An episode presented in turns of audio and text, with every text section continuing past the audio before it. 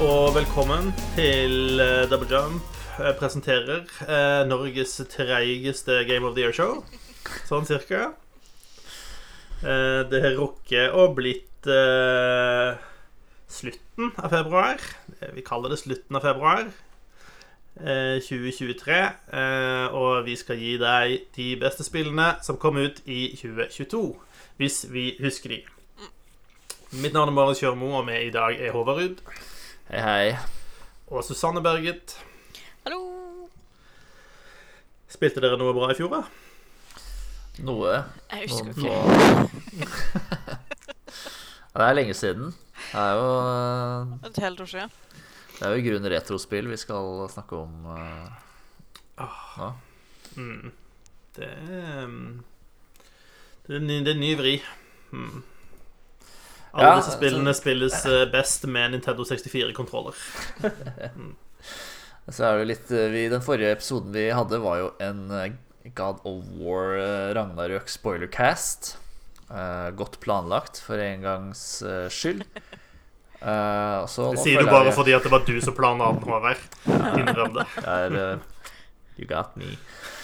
Uh, så, men det, så det føles godt å være tilbake i godt gammelt fotspor eh, med en eh, lite planlagt sending. Selv ikke Game of the Year-sendinga har vi Vi som har lagd Excel-ark og alt. ja, da, ja, da, det, Dette tar vi på rutine. Vi har gjort det i x antall år, så dette går nok bra. Vi har kollaborert eh, i planleggingen. Eh, mm. Jeg har lagt til nøyaktig ett spill på den lista. Yes. Og det var det spillet du spilte i fjor? Ja, men det, det teller som samarbeid. Ja. Mm.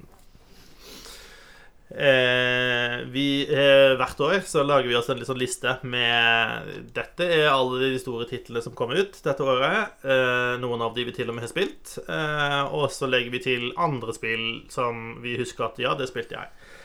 Og kanskje kan mene noe om. Og jeg tør påstå at eh, listen for 2022 er den korteste lista eh, vi har hatt. Betyr det at 2022 var et eh, dårlig spillår? Det må jo bety det. Det må bety det. Jeg kan ikke, kan ikke skjønne annet. Nei. Nei. Det er litt sånn der, der kvalitet og kvantitet møtes, så var 2022 et dårlig år. Får vi se. Det kan jo være det var ett og to ganske bra spill, da. Det finner vi kanskje ut av eh, de neste par timene. Eh, som tidligere så eh, skal vi prate oss igjennom disse spillene. Eh, spoilers eh, may happen, eh, så listener beware. Og vi skal forsøke å ende opp med en rangert topp ti-liste, som da er double jumps.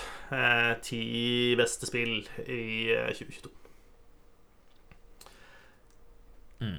Jeg håper Det er vi, ple vi pleier å Ja, og jeg håper vi pleier å være venner etterpå, men eh, det er klart det er jo det er jo flere medlemmer av denne podkasten som har slutta over tid, og det er jo grunn til eh, ja.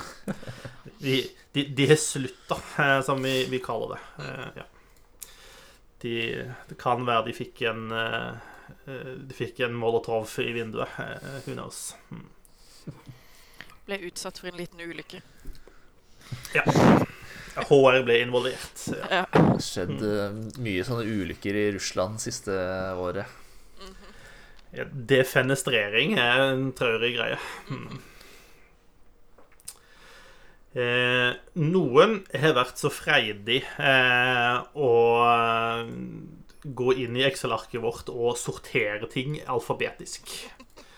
Eh, det er jo et brudd eh, med den eh, kaotiske eh, fremgangsmåten vi, vi pleier å ha. Men jeg velger å tolke dette som at noen har et stort ønske om at vi skal gå igjennom 2022 i alfabetisk rekkefølge. Uh, ja, egentlig var det bare for å brife med Excel-regnearkkunnskapene mine. At jeg kan sette inn et sånt filter. Ah, jeg visste det. Mm. Men det skal gå an å Det kan vi snu på. Så nå er det Nei. motsatt. Kan du legge inn et filter så vi får de etter metacritic-rating også? Eh, Det kan jeg nok, men jeg vet ikke om jeg får importert det automatisk. Så jeg må sitte og plotte det sjøl i så fall. Ja, nei, det det. gidder vi ikke. Det er litt dumt å gjøre nå på, på luften.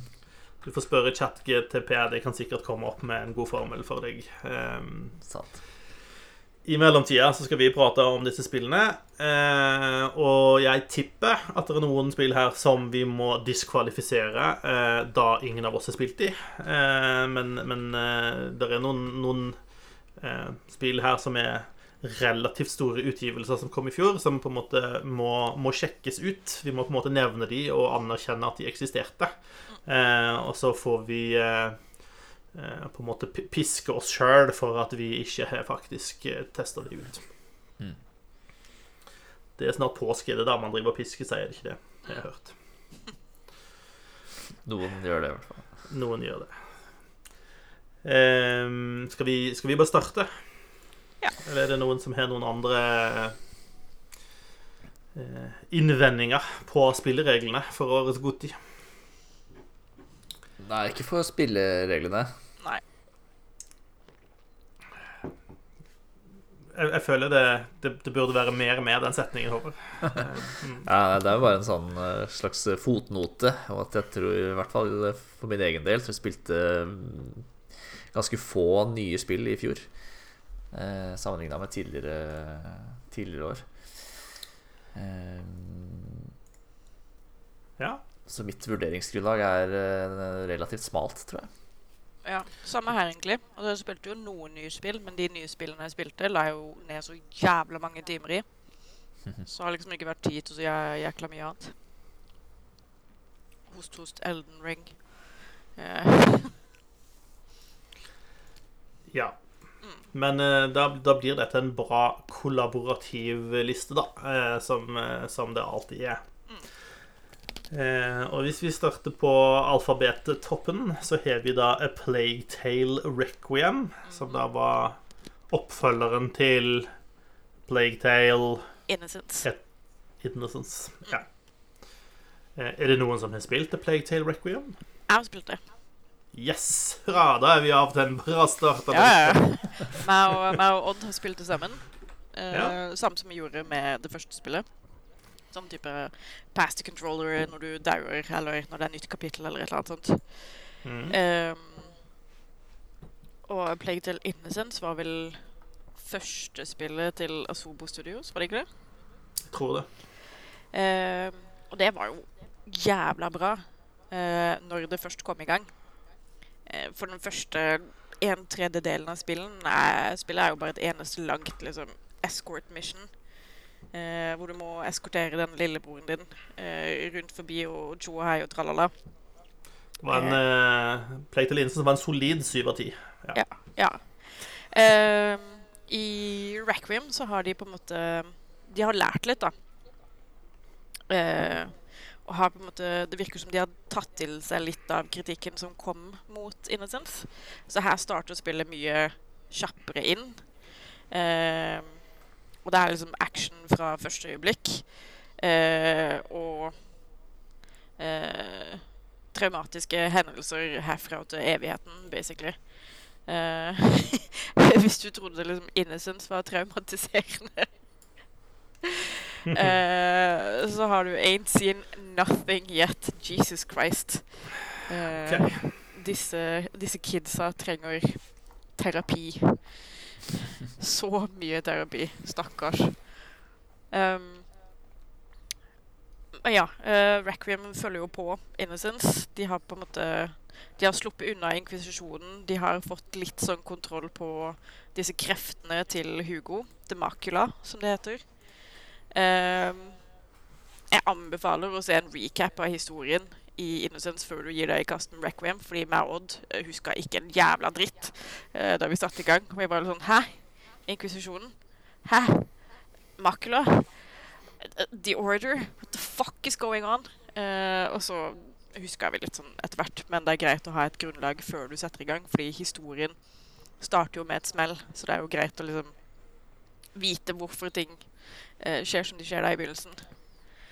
Ehm, spillet sliter fortsatt litt med dette eskorteringsproblemet sitt, fordi du tross alt driver og holder Hugo i hånda nesten hele tida. Eh, og det føles litt ut som at de har De har tenkt at alt i spillet må spillifiseres, holdt jeg på å si. Så det er liksom veldig få steder hvor du bare kan gå fra A til B. Du må alltid snike deg rundt uh, guards, lære guard-mønster, løse puzzles. Uh, gjemme deg for rotter. Og liksom Det skal alltid på en måte Noe må alltid gjøres. Det er liksom ikke noe rom for å bare tusle av gårde og liksom nyte omgivelsene. uh, det er det veldig lite av i, i det her spillet. Nei, altså, Det første Plague Tale la jo på en måte ikke opp til at dette skulle være en sånn Sound of Music-opplevelse. Så det overrasker meg jo ikke så veldig, da. Nei. Um, men ja, det kunne vært litt mindre bare Det blir litt bloated, da. Spillet blir litt for langt fordi du hele tiden må bruke lang tid på å komme deg fra A til B. Så jeg tror det er mye som kunne vært kutta der, og så hadde pacinga vært uh, litt mer balansert. Eh, men ja, det er, det er, et jævlig bra spill. Ekstremt Ekstremt traumatiserende. Jesus Christ. eh, det skrur liksom alt som skjedde i, i spill 1 opp til 11 og en, eh, enda videre, på en måte. Eh, det er bare Det er så fælt å spille det, men det er skikkelig bra. Og selv om han kiden Hugo er jævla irriterende, så ender man jo opp med å liksom bry seg om han. som er godt gjort. eh, for sånne som meg, som hater kids. Uh, og det gjør også at slutten på spillet blir veldig veldig inn, gir veldig inntrykk, da. Den har veldig uh, Hva skal man kalle det? Slagkraft. Og, er, og, tar ting i litt helt annen retning enn de gjør f.eks. The Last of Us, da. som er et spill Requiem minner ganske mye om, men istedenfor zombies så har du rotter. Eh, men sånn historiemessig så syns jeg kanskje eh, Plague Tale er hakket mer interessant. Selv om det kanskje er oh. ja, blasfemi å, å si. eh, men den, den, behandler mennesker på en litt annen måte, da. Eh, og selv om hun søstera er helt klart en Joel-figur, og Hugo er en Ellie, så velger de å håndtere ting eh, litt annerledes. Amisha kan f.eks. innrømme at hun er fucka opp eh, og trenger hjelp. Og, og gjør en masse ting hun ikke burde, og så tar jeg et valg på slutten som på en måte gir henne en redemption arc. da. Eh, hvor hun velger eh, the good of the many istedenfor the good of the few. Eh, som jeg vil påstå Joel gjør i The Last of Us. da. Så eh, Jeg likte det spillet kjempegodt. Eh, selv om jeg syns det er, er, for langt. Jeg skulle gjerne sett at det var litt kortere, men sånn generelt så skulle jeg gjerne sett at mange av spillene som kom ut i 2022, var kortere. Sier spørsmålet om det sier mer om deg eller om spillene. ja Uh, nei, men da, da, høres det ut som at vi ikke Vi, vi kaster ikke Plague Tale Requiem liksom i søppelbøtta sånn uh, umiddelbart. Uh, nei, det fortjener definitivt en, en plass på lista. Litt avhengig av hvor lang den lista blir. det gikk jo litt så som så med å gå gjennom lista, da. sånn på første forsøk, i hvert fall. Mm. Jeg gleder meg til å se A Plague Tale-serien på HBO, kjenner jeg. Det tror jeg blir bra. Fy faen. oh god, nei. Eh, men da holder vi Plague Tale Requiem for nå.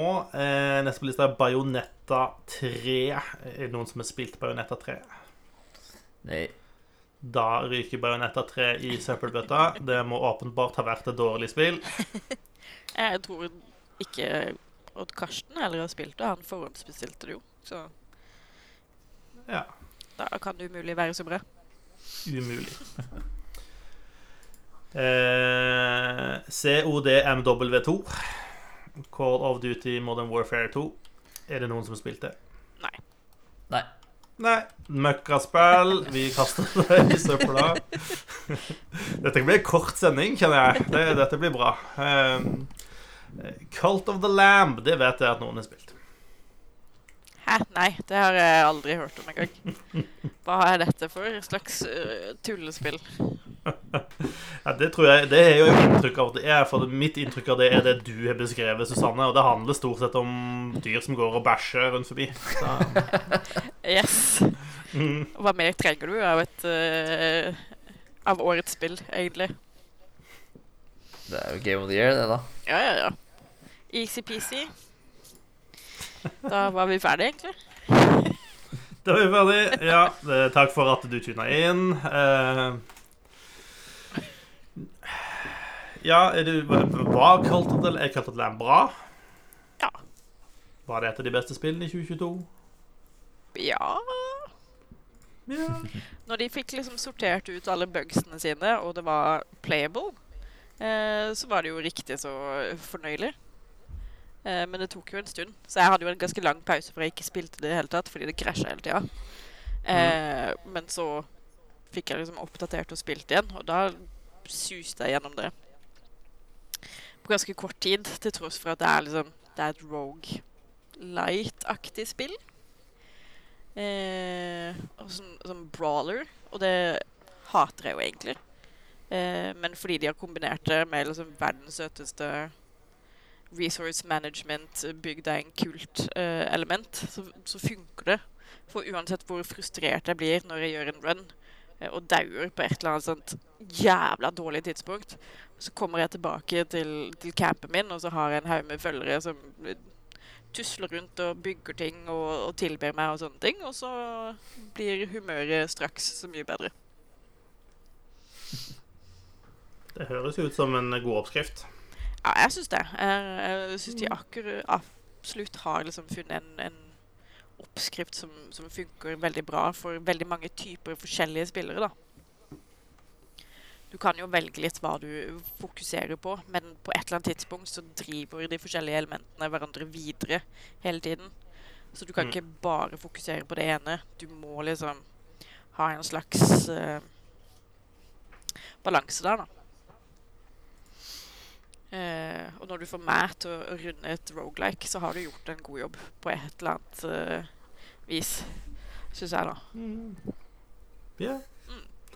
Jeg syns det ser ut som et eh, cute og hyggelig spill, jeg. Mm. Eh, Trivelig musikk, masse gøye følgere som kan customises og gis nye navn. Eh, og det misbrukes jo så til de grader. Eh, I tillegg til at det har en jævlig kul sånn Twitch-integrasjon. Så hvis du streamer det, så kan folk som ser på, joine kulten din som kultmedlemmer. Og så kan de velge om de vil hjelpe deg eller gjøre ting vanskeligere for deg og sånne ting. Kan, kan du møte opp hos noen og bare gå og bæsje på hele området deres? Du kan, også, du kan også velge at alle eh, medlemmene i kulten plutselig skal få eh, diaré i tre dager. Eh, og ikke få gjort noe arbeid, f.eks. Det er liksom masse sånne teite ting, da.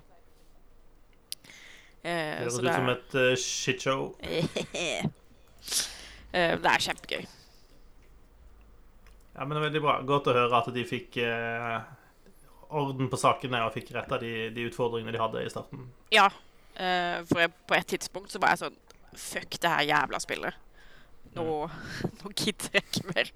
Og så lot jeg det ligge litt, og så plukka jeg det opp igjen, og så var det bare kjempegøy. Veldig bra. Da eh, holder vi det på lista inntil videre.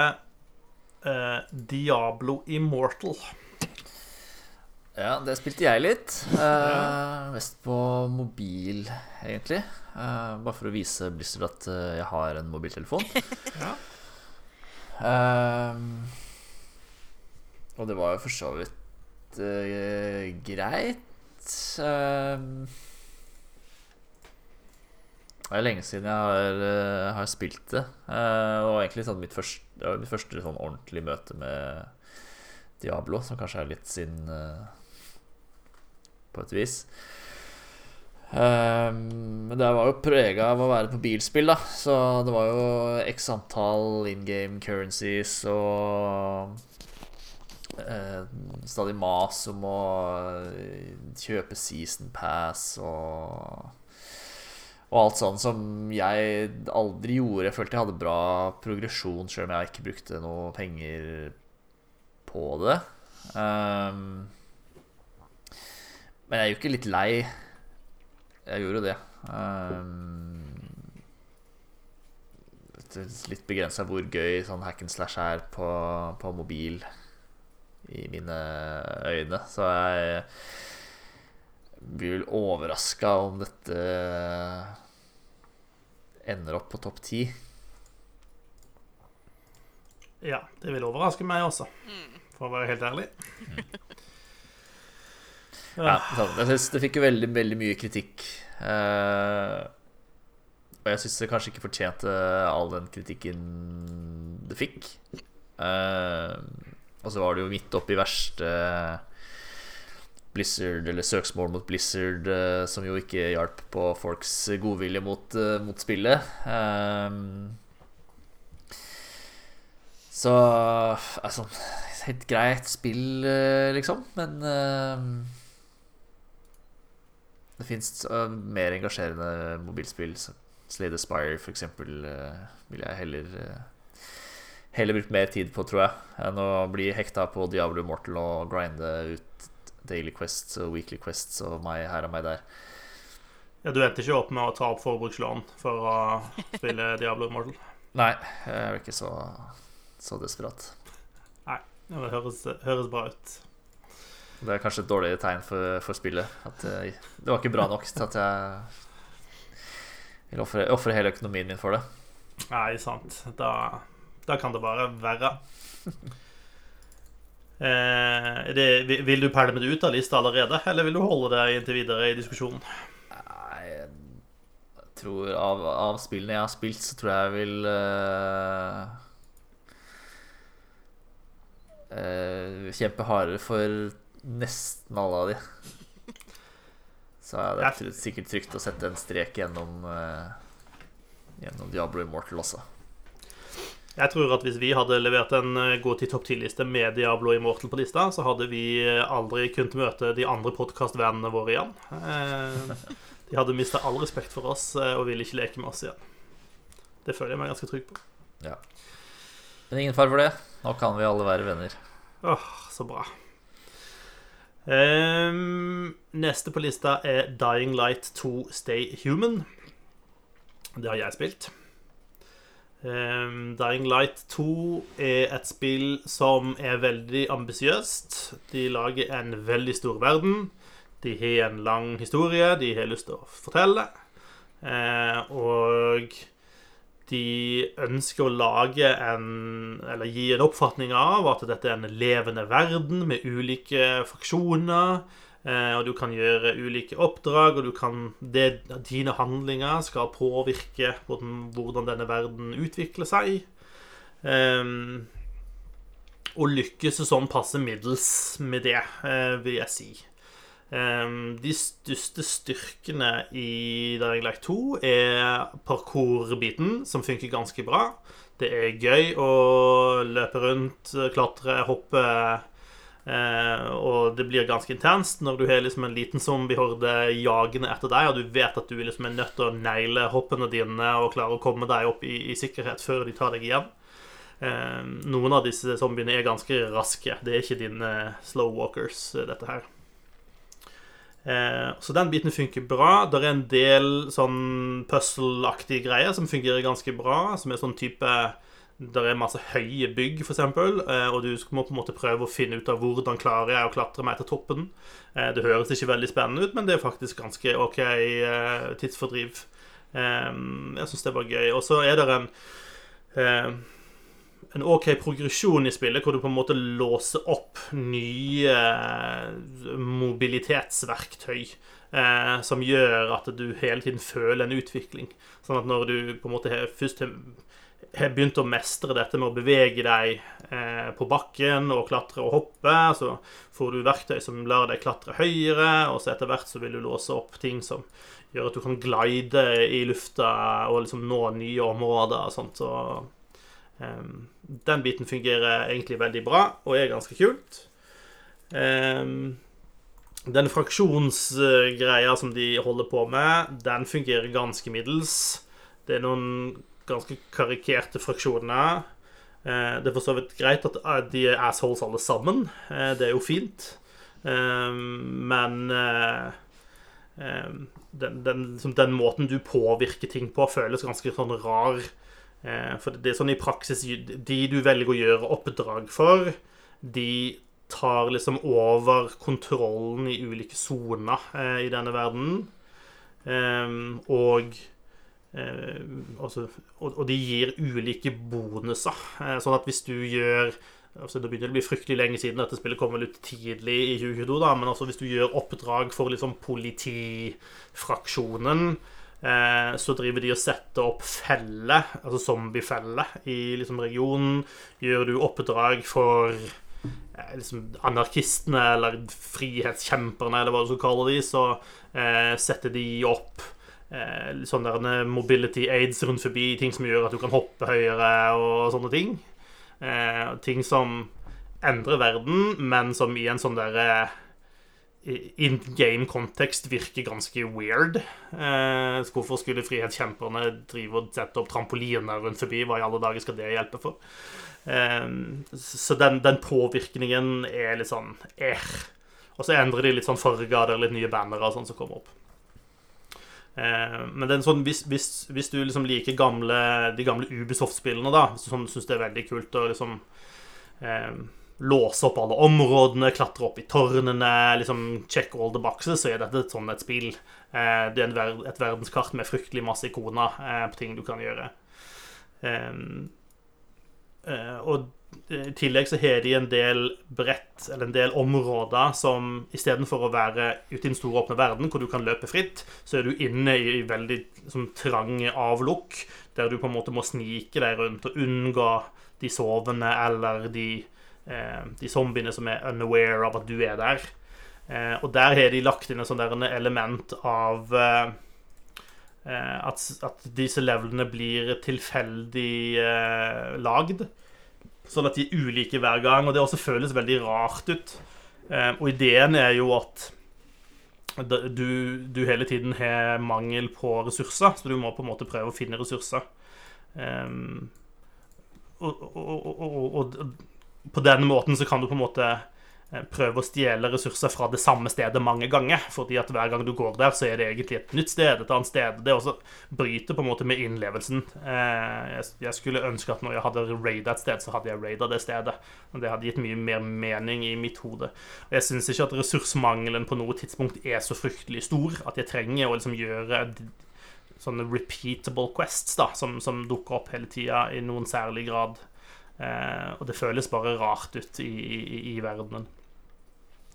Eh, storyen er, er, helt OK, men det, jeg opplever at mye av dialogen er litt sånn det, det, fremstår som de har hatt et A-lag og et B-lag, for å si det sånn. Eh, det er noen deler som, som, ser ut som de har lagt litt kjærlighet i, og som funker bra. Og så er det noen ting som bare ser ut som de har ja, ikke outsourca det til, til, på Craigslist liksom, til noen tilfeldige folk. Eh, for det er enkelte deler som bare ikke henger på greip i det hele tatt. Og det er veldig vanskelig å skjønne hvem som har godkjent kvaliteten på, på det. Eh, så det, det, det, det, er veldig rart, fordi det fremstår som sagt som om det tidvis er gjort på riktig måte, og så tidvis bare på helt feil måte. Eh, så alt i alt, det er mye moro der, men det er ikke et ti av ti-spill på noen måte. Men grei underholdning, kjekt å hoppe rundt, løpe, gjøre de greiene der. Eh, noe av historien er liksom spennende nok, og litt forutsigbart kanskje, men ja, jeg hadde det mye moro med spillet. Så helt, helt decent, greit spill, men hadde de på en måte vært litt mindre ambisiøse, skalerte ned lite grann, Eh, så kunne de kanskje brukt litt mer tid på, på alle elementene, så hadde det kanskje blitt et, et tightere spill, en litt bedre, litt bedre opplevelse. Ja.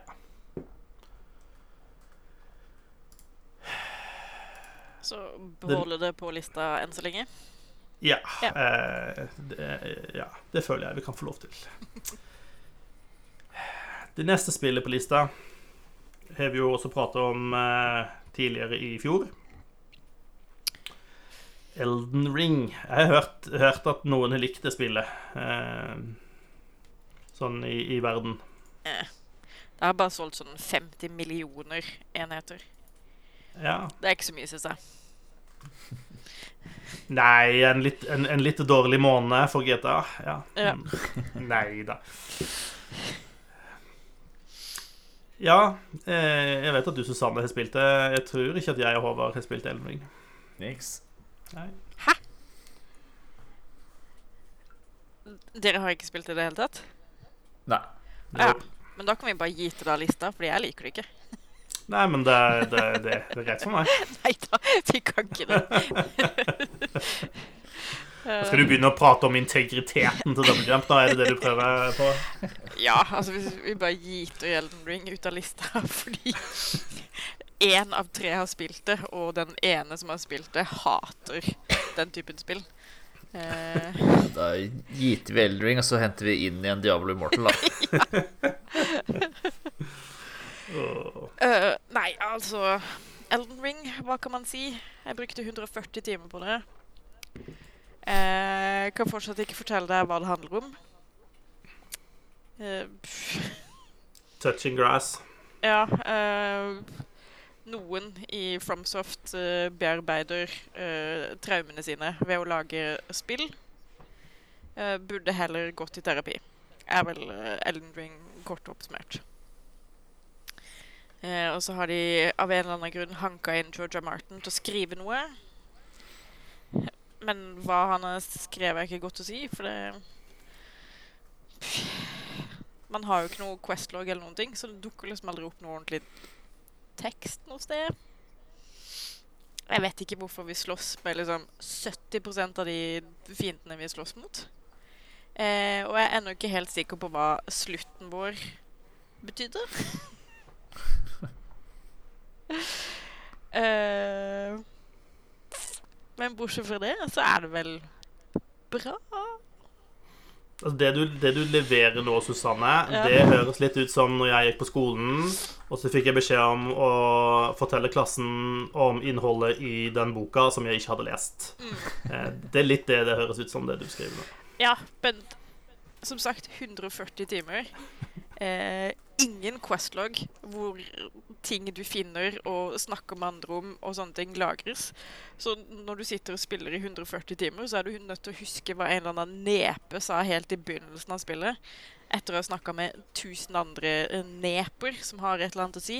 Og alle snakker litt sånn weird og litt sånn kryptisk. Og så er det ikke alt som har blitt liksom ordentlig oversatt fra fra japansk heller, så det er noe mening som forsvinner i overgangen der. Og så sitter du der og jeg er bare sånn Det føles ut som jeg har fått slag.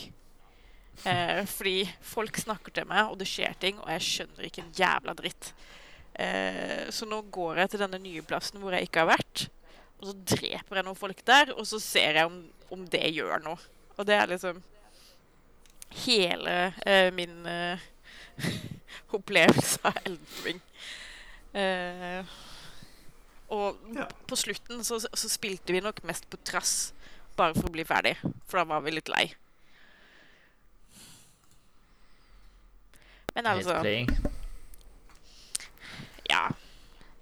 Det var liksom Det var spite eh, og hate og mye banning og mye Ja, det var mange steder vi hadde lyst til å bare gi opp. Eh, For det er jo et ganske utfordrende spill. Mm.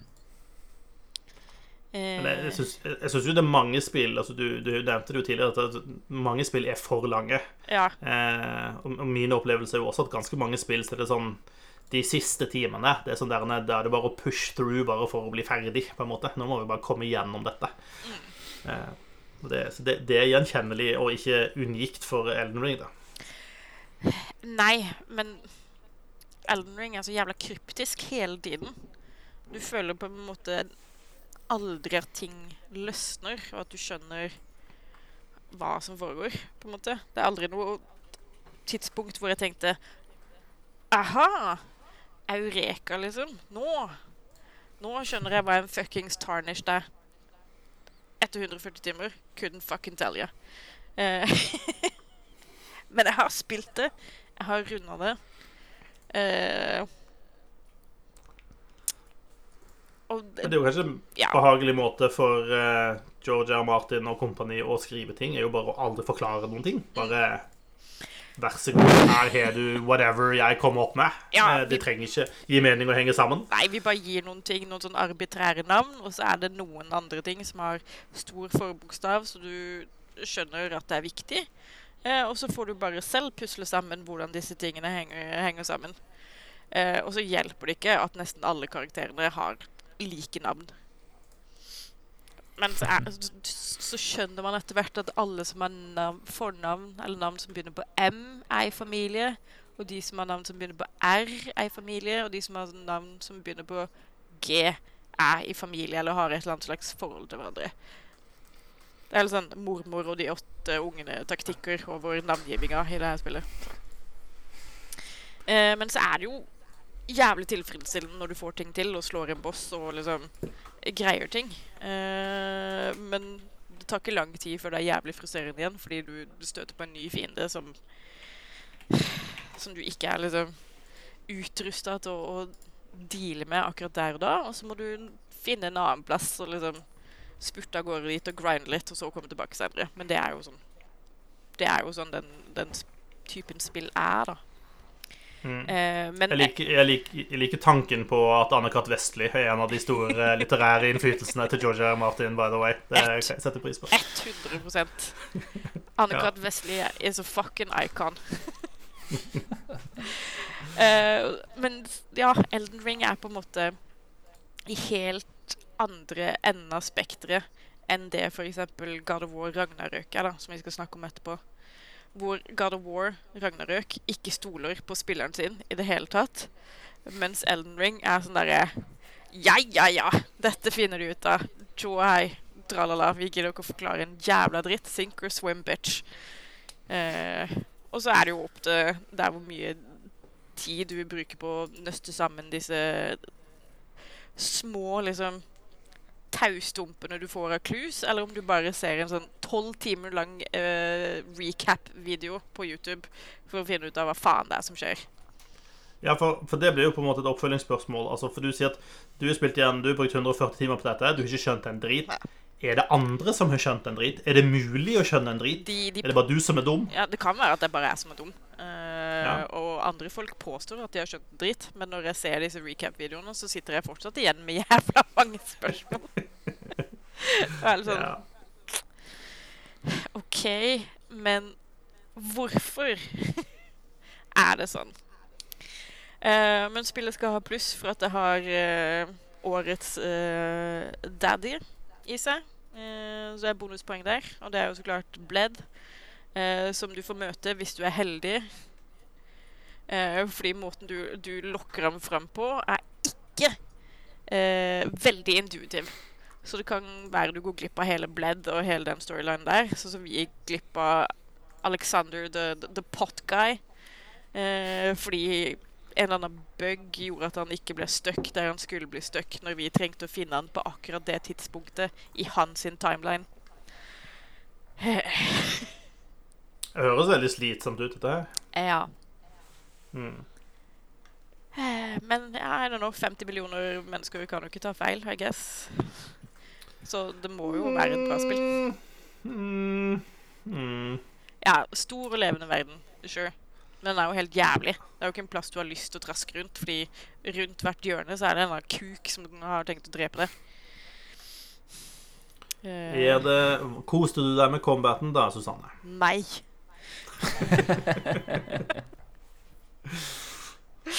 Eh, jeg blir for lett uh, stressa til å være flink til denne her typen spill. Uh, så min uh, kamptaktikk er jo egentlig bare å prøve å cheese det så mye som mulig.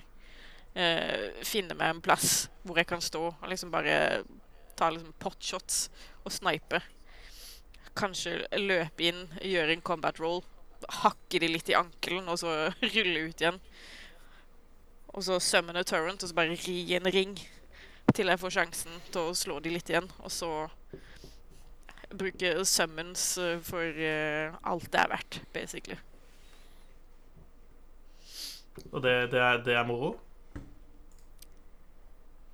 Ja. Når jeg får det til, så er det jævlig gøy. Men stort sett er det bare så fuckings frustrerende. Eh, men det er liksom Det er jo for så jækla mange kule forskjellige typer fiender, og de har eh, De har vært veldig flinke til å gi de forskjellige sånn, movesets og kamptaktikker og sånne ting, så de fleste, i hvert fall bossfightsene og sånne ting, føles veldig distinkte, da. Eh, men disse two-face, three-face, four-face boss-fightsene sine kan de stappe så langt opp i ræva. Det, det syns jeg vi skal slutte med. Det er 2023. Når jeg har slått en boss, så har jeg slått en boss. Ikke Ikke begynn å spille liksom skummel musikk når jeg tror at alt er fint og flott, og jeg har liksom så mye helse igjen. Nei, det, det kan du få jævla billig av meg. Ja, det fikk jeg nok av i Hades eh, når jeg spilte gjennom det. Mm. Eh, nei, men greit. Eh, noen spillpublikasjoner De oppsummerer liksom anmeldelsene sine med en sånn liste med sånn pluss pluss-ting og minus-ting. Eh, jeg, jeg opplever vel at det var, det var mange minuser og ikke så mange plusser på det du på en måte gikk gjennom, men, men jeg, jeg tror vi holder Elden Ring inne Ja. i diskusjonen enn så lenge. Altså, jeg er jo ikke rett person til å skulle si noe om Elden Ring i det hele tatt. Er Du er den eneste personen, Susanne. Altså, dette er jo et, mitt første ordentlige møte med et FromSoft-spill. Um, jeg tror kanskje det blir mitt siste, siste møte. Jeg, jeg vil ikke mer. Det, det, det tar for mye tid, og det gjør meg for sint og for frustrert. Og jeg spiller for å slappe av, ikke for å hate meg selv. Hmm. Rett og slett. Men ja. Eh, og Karsten syns det er årets beste spill, da. Så uh, veldig to forskjellige synspunkter her. Hmm. Ja, Odd Karsten har dessverre ingen stemme i Double Jump, så, så sorry. Uh, du nevnte God of War Ragnarøk som en eh, komplett motsetning til Elden Ring. Eh, betyr det at du syns God of War Ragnarøk var veldig, veldig bra, da? Har du hørt uh, Jo, jeg har det, skjønner du. Eh, altså, det er jo ikke et dårlig spill. Jeg bare føler at det kunne vært en del bedre. Håvard, har du lyst til å, å, å, å tune inn på God of War Ragnarøk? Ja. Uh, For de som ikke hørte forrige sending. Ja. Uh, jeg kan også komme med en litt artig observasjon. Eh, og det er jo at i årets Game of the Year-kåring så er det altså oppfølgerne til tre tidligere vinnere som jeg skal kjempe om eh, Eller er med i kampen, da. For Overwatch vant jo Game of the Year til TJ Goti i 2016. Horizon Zero Dawn vant i 2017, og God of War vant i 2018. Og oppfølgerne til alle de er på lista vår uh, her i dag. Um, men ja, uh, God of War Jeg syns det er uh, Ragnarok var veldig, veldig bra. Um, det tar alt som var bra i eh, Jeg skal ikke si eneren, men det forrige. Um, I 20 2018-spillet, og gj- gjør mer av det.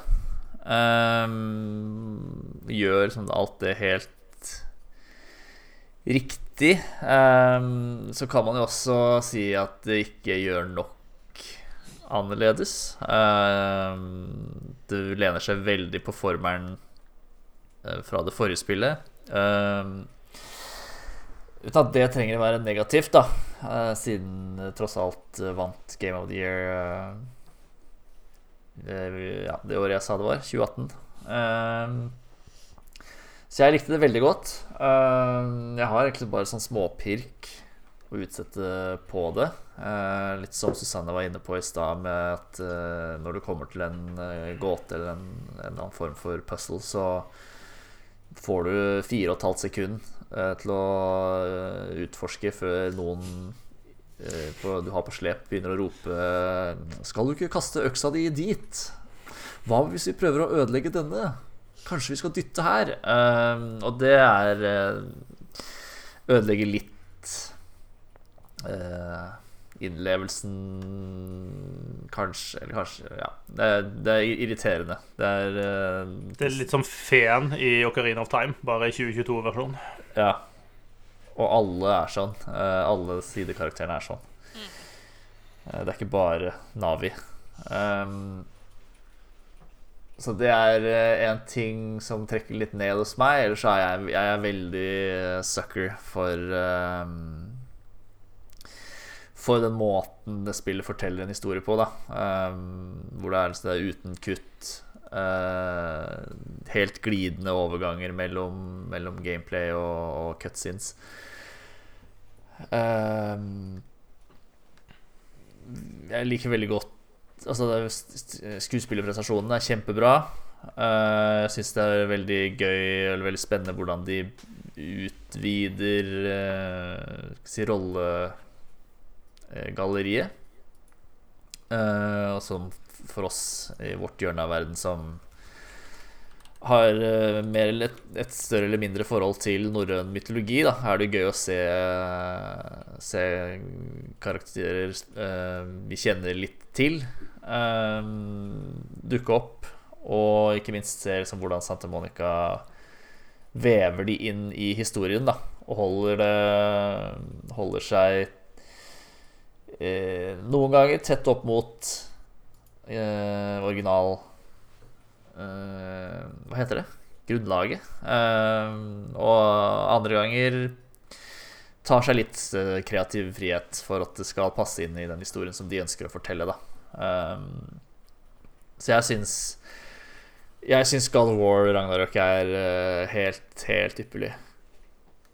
Jeg syns det er eh, absolutt alt, eller nesten det aller, aller meste, gjør det helt ypperlig. Hmm.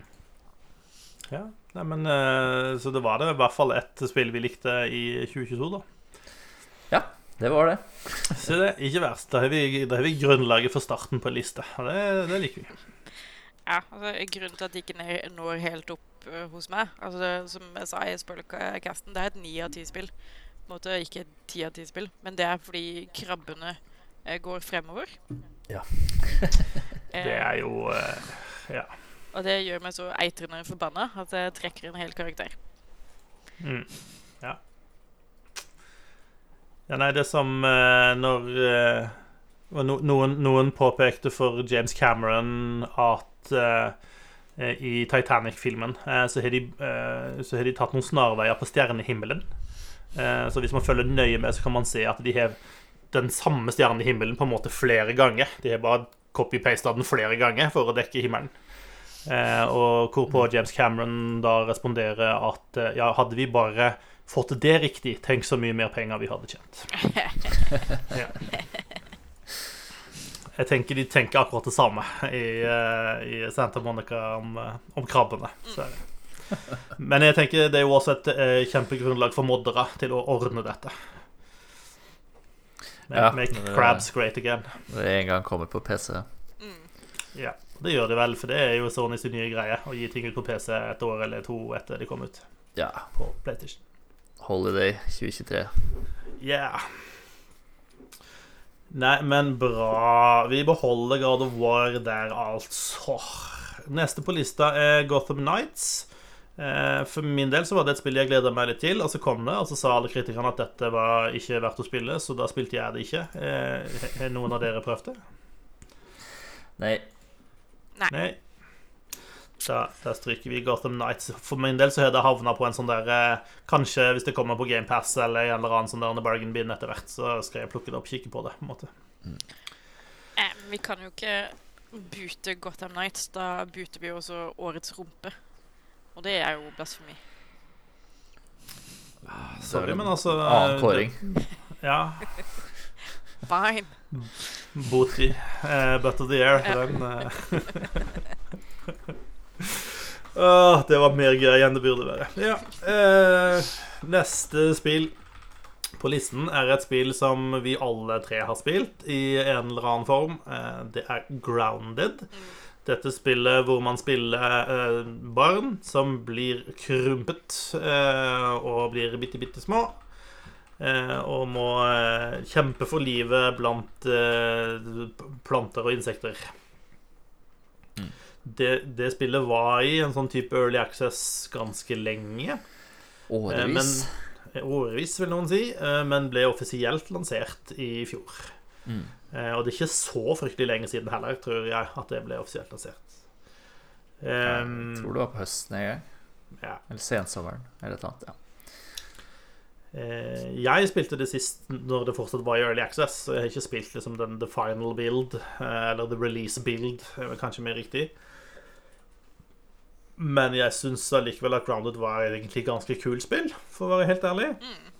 Mm. Eh, og det, det er jo eh, det, det er et spill som på, på en måte altså De har en litt sånn søt og tøysete stil. Du er disse ungene, de har litt sånn gøyal dialog mellom seg. Og så samtidig så er det ting som bare er så jævlig skummelt i det spillet. Eh, når det kommer en sånn der gigaedderkopp eh, og, og vil eh, momse deg til lunsj. Jeg tror ikke jeg har vært så redd i noen spill omtrent før som, som det spillet. De, det, det ser fargefullt og fint ut, og så plutselig er det bare det horrorshowet du har, har, har kommet deg inn i. Mm. um, et spill som gjør seg veldig godt å spille sammen med noen. Um, og så, ja, Siden jeg ikke har spilt liksom, den, den final bilden, så uh, så vet jeg jo ikke om det er gjort noen endringer, men den tingen som jeg savna med det spillet, var den litt sånn Valheim-varianten hvor verdenen var liksom en litt sånn uh, persistent world. da, Sånn at du kunne spille sammen med venner, man kunne liksom gå inn og ut av den, og alle trengte ikke være der og, og sånt. Uh, men i, i hvert fall i Early Access så var ikke det tilfellet. Da var det på en måte En av spillerne hadde sin game, eh, og så kunne andre hoppe inn og ut av den gamen, på en måte. Eh, det er litt, litt alt etter hvordan de har lagt opp, opp spillet. Men jeg, jeg, jeg, tror jeg hadde syntes det var enda gøyere om man hadde en, en, en mer en sånn Dette er vår felles verden som vi, vi bygger og utforsker sammen. Eh, da tror jeg jeg hadde likt det enda mer, da. Eh, men de har vel også gått for en kanskje et hakket mer fokus på, på en historie eh, de vil fortelle og vil dra deg gjennom, da. Eh, Ja, jeg har spilt det litt etter eh, Etter at eh, si, fullversjonen kom ut, uten at jeg har jeg Føler at det er noe som har opplevd noe jeg ikke fikk oppleve i Early Access. Um, det er ikke helt sånn finpolert ennå. De store edderkoppene har glitcha og bugga litt, sånn at vi eh, det var en som jagde oss hjem til den der lille datamaskina eller den greia som ligger eh, eh, et sted der. Ehm, og Der kan du gjemme deg inne i uten at den eh, edderkoppen får tak i deg. Men foten glitcha liksom gjennom likevel. da. Så vi kunne stå der inne, Vi kunne stå i trygghet og, og slå på den foten uten at den kunne gjøre noe med oss. Så jeg tror vi drepte en, sånn, en av de største edderkoppene i spillet lenge, lenge, lenge før det er meningen at du skal kunne det. nice. Um, Det er jo Susanne sin favorittmåte å ta livet på spillskurker på. Ja, Ja. det. så, men jeg liker, jeg liker konseptet eh, godt. Jeg er jo egentlig ikke sånn kjempebegeistra for survival-spill, men um, jeg liker grounded uh, tror fordi det har liksom en Det har en kontekst med en gang, da. Jeg tror Det, syns jeg veldig mange uh, survival-spill som setter deg på et øde sted, uh, og så må du bare begynne å bokse uh, trær. Og så vet du ikke helt hva du Hva du skal Eller hvorfor du skal gjøre noe. Uh, mens i Grounded så er uh, jobb eller oppdraget er veldig tydelig. Du er blitt krympa til liten eh, til størrelse som en maur, og eh, du må prøve å bli stor igjen. Uh, så jeg tror, liksom, jeg tror ikke det er mer enn det som skal til for at jeg, liksom, jeg engasjerer meg litt mer da, i, i et survival-spill. Jeg ble ikke noe hekta på Valheim, f.eks. Uh, jeg føler også du, det er bare du våkner et eller annet sted, og så må du begynne å bokse trær. Og så liksom, finne ut alt sjøl. så jeg liker, jeg liker egentlig Grounded uh, ganske, ganske godt. Mm. Jeg er enig. Jeg syns det, det, er en kul take på, eh, på, på den sjangeren. Eh, og den matcher jo på en måte litt med Det er jo en litt sånn der en 80-tallsfilmfølelse på liksom, settinga der, som jeg kan sette pris på. Mm. Ja, men bra. Uh, Grounded er in the running så langt. Uh, neste spill på listen er High On Life. Ja, jeg likte det ganske godt òg, jeg, egentlig. Um, Hva er High On Life? Det er et uh, skytespill hvor uh, alle pistolene er romvesener. Uh, og har egne personligheter og snakker mye til deg da underveis i, underveis i, i spillet. Um, det er jo laga av folka bak Rick and Morty. Ehm, så det skal liksom ikke, det skal ikke stå på humoren der, i hvert fall. Uh, den er ganske Ganske bra, ganske absurd. Um, og det ja, Handlinga er jo at det er noen romvesener som krasjer på jorda. Uh, skal drepe alle menneskene og gjøre disse slaver eller et eller annet sånt. Uh, men så klarer liksom du uh, som hovedpersonen å ved hjelp av, av, en, av et romvesen klarer du å sånn fly Eller flytte huset ditt da til helt en annen planet. Welcome to fucking space, eller noe sånt uh, som uh, pistolen din sier når du går ut av huset på, den, på en annen planet. Det høres litt sånn uh, Hitchhiker's Guide to the Galaxy-setting ut. Ja, litt. Uh, og så eh, blir jo jobben din å stoppe da dette denne romvesenmafiaen som uh, Som driver og fanger og dreper uh, Dreper andre romvesen. Um, så det er, det er ganske gøy. Jeg tror liksom det bæres nok ganske mye av et clean kokos-manuskript. jeg syns ikke liksom nødvendigvis at alle våpnene er er så kreative eller morsomme å bruke. Eh, så stort sett så, så holdt det meg til den første pistolen du, du finner. For jeg syns den hadde den morsomste personligheten. Um, og så blir det særlig det, sånn, det er to typer fiender. Ja, kanskje tre, da. Det er en sånn flyvende, irriterende jævel også. Ehm, men i hovedsak så møter du to forskjellige fiender som blir litt, uh, litt gammelt uh, etter hvert. Uh, og bossene Altså er det bossene som liksom er høydepunktene, vil jeg si, da. I hvert fall sånn spillmekanisk. Ehm, så Et greit spill. Det er ikke sånn kjempelangt. jeg tror de gjorde lurt liksom ved å gi seg der de ga seg, og ikke strekke den uh, strikken så mye lenger enn det de gjorde. Um, jeg har nok spill jeg uh, foretrekker uh, over High On Life, men jeg har også andre spill jeg kan stryke Stryke etter.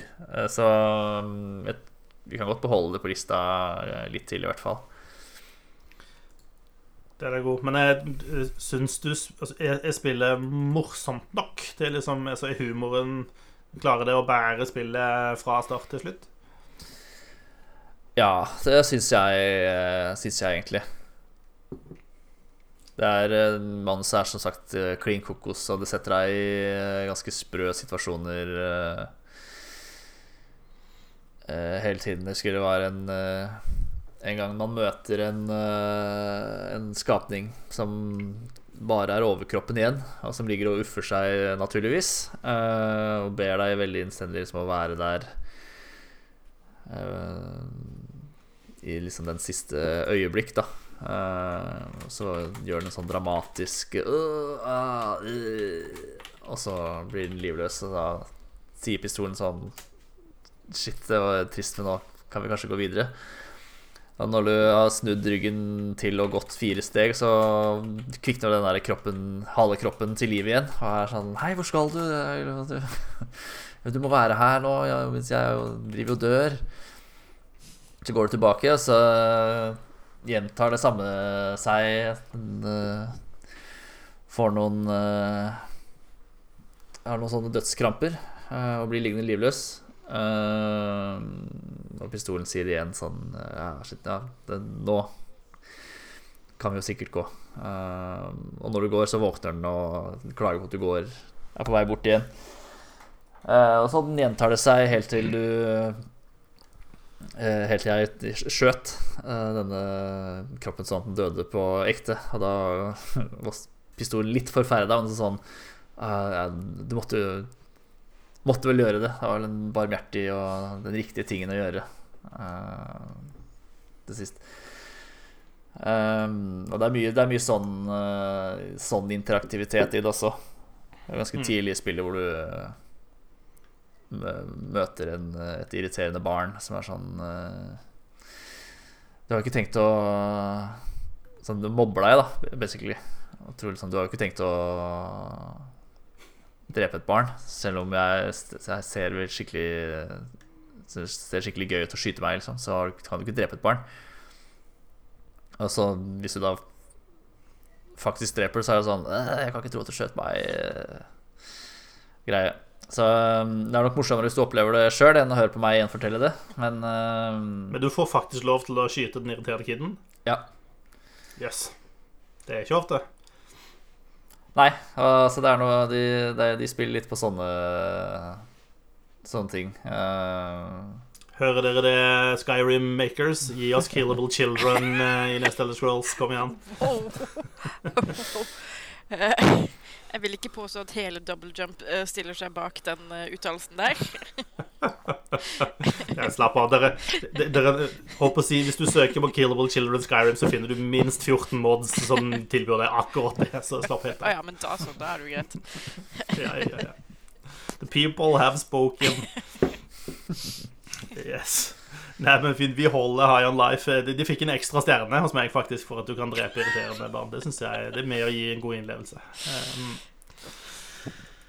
Uh, Horizon Forbidden West uh, var jo også en av de uh, større titlene, mer etterlengta titlene, som kom ut i 2022. Hva tyks? Uh, yes. To tomler opp fra meg. Begge tomlene opp. Yes. Ja. No notes. Why? Eh, jeg syns det er en, en veldig bra oppfølger. Uh, de hadde jo ekstremt store sko å fylle. Uh, Horizon Zero Dawn tok jo de fleste med storm. Uh, og det blir jo litt som å hoppe, hoppe etter Wirkola, som kidsa sier. Og det er derfor vi har lov å skyte de, Susanne. Ja. Mm. Eh, men det har lært eh, kjempemye fra det første spillet. Eh, det har ikke en dritlang intro. Du må liksom ikke spille gjennom hele barndommen til Aloy. Eh, de kommer seg kjapt til, til poenget. De etablerer veldig kjapt hva som står på spill. Eh, og det er et mye mer sånn strømlinjeforma eh, spill da enn det det første spillet var. Det føles ut som sidequesten og sånn har, henger mye mer sammen med hovedquesten. Sånn at de hele tiden fòrer litt inn i hverandre og driver historien fremover. Eh, jeg følte at i første spillet så var det veldig mye mer sånn sporadisk tjo og hei. Du møter på noen ute i sumpen eller noe. Og så er det bare Det er masse sånn tilfeldige quests. Og her er det mye mer sånn Her er de fokusert på på å utvikle karakterene, men også å utvikle historien. Eh, I tillegg så får du eh, nye companions, nye eh, folk du må hjelpe og bli venner med. Eh, du møter eh, et helt nytt folk som kommer fra andre sida av havet, som har seilt til USA. Så man skjønner jo at Horizon Zero Dawn på en måte Eh, er ikke bare USA. Det er liksom Resten av verden er ikke dau eller lever i beste velgående. De er også blitt truffet av The Faro Plague og utvikla seg deretter. Eh, de nye folka, The Quen, er kanskje litt for stor fan av Ted Farrow enn det man skulle ha trodd. eh, og eh, de gjør en sånn kul jobb med å få uh, Ted Farrow, blant annet, som bare fremsto som et jævla rasshøl i første spillet, uh, til å fremstå enda verre i dette spillet. Uh, og det er bare imponerende hvor mye faenskap én person kan finne på. Hvor mye de kan fucke over liksom, milliarder av mennesker. som gir veldig mye mening hvis du bare ser på tingenes tilstand i dag, eksempel. Eh, og så får du liksom nye combat abilities, du får nye mounts. Eh, spoiler alert. En av de er en fucking sunwing, så du kan drive og fly rundt og gjøre oppdrag oppe i fjellene og tjo og heie og liksom fly over havet, så du slipper å, å svømme og bli spist av disse fuckings eh, krokodillene som driver og kuker rundt der. Eh, og det er bare Jeg vet ikke. Jeg bare liker det. Uh, de nye områdene er veldig pene. Uh, dyrene som løper rundt, uh, er enda søtere enn det de var det første spillet, så det gjør mer vondt å drepe dem fordi du trenger dem til å lage et eller annet gøy. nye legendary weapons, som er helt insane. nye maskiner. Og en, en historie som er veldig spennende. Um, og som på en måte, Den virker logisk. da. Den følger historien i Zero Dawn eh, på et veldig naturlig vis. Samtidig som etablerer eh, nye skurker. Eh, og når de dukker opp, så er det bare sånn Fucking hell. Eh, her tar spillet en, en weird vending. Men jeg liker det.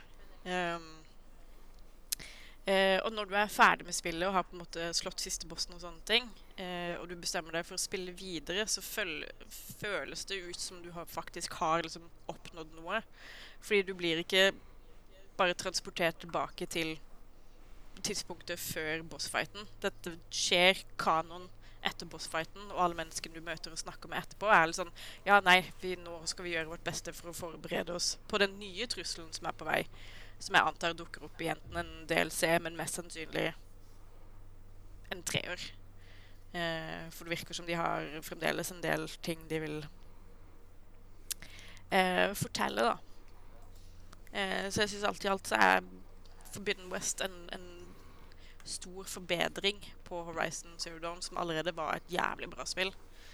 Eh, og en bedre oppfølger enn det Ragnarøk er, da syns jeg. Um, men samtidig så lider den litt av de samme problemene som Ragnarök gjør, ved at det ikke stoler på spilleren. Fordi Aylor hele tiden snakker til seg selv og er sånn 'Å, her må jeg kanskje bruke fokusen min for å avsløre noen spor.' 'Kanskje jeg må se veldig nøye på akkurat dette gresstrået med fokusen min.' Og så blir jeg litt sånn 'Ja, ja, ja. I get it. I get it.' Det er sikkert han ene jævla produsenten som jobber i Sony, som eh, kommer med disse inputene i liksom alle spillene deres nå. Mm. Det er one guy. Ja, men i Aloys tilfelle så gir det litt mer mening, fordi hun er veldig mye aleine, og hun er, liksom, hun er veldig ensom. Så det at hun snakker til seg selv, føles veldig naturlig. Eh, jeg skulle bare ønske at det ikke var så mye eh, ledetråder og guiding, da. Uh, mm. Og Aloy som karakter har også utvikla seg. Hun er veldig mye mer rett på sak, veldig no nonsense. Eh, det er helt tydelig at hun har et oppdrag, og hun er liksom desperat etter å fikse det. Fordi For det første så må hun leve opp til tittelen sin som The Savior of hva nå enn den byen heter. Eh, og liksom har redda hele verden, basically, fra, fra Hades.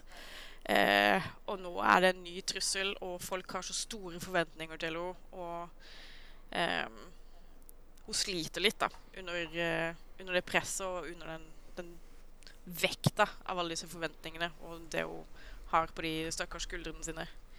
Eh, og hun holder liksom holder folk på armlengdes avstand, og du ser det kjempegodt når hun liksom snakker med folk fra det første spillet, at de prøver desperat å nå inn til henne. Og hun er litt sånn Nei, nei. I'm on the job. Har ikke tid til sosialisering. Eh, det er alltid et eller annet oppdrag som løses. Så hun føles ut som en, en veldig tredimensjonell karakter da, som har utvikla seg på en, en, logisk måte som følger hendelsene i det første spillet. Uh, mm.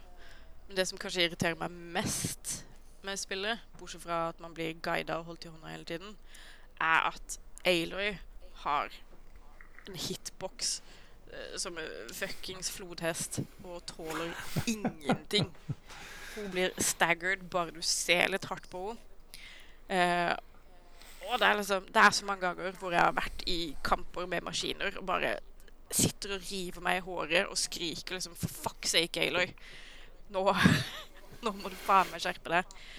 Eh, fordi hun tilbringer mer tid på, på bakken og i liksom stunlocks enn hun gjør faktisk i kamp. da Mm. Eh, og det, det, blir ikke noe bedre uansett hvor høy level du blir, eller hvor mange poeng du putter i warrior-klassen.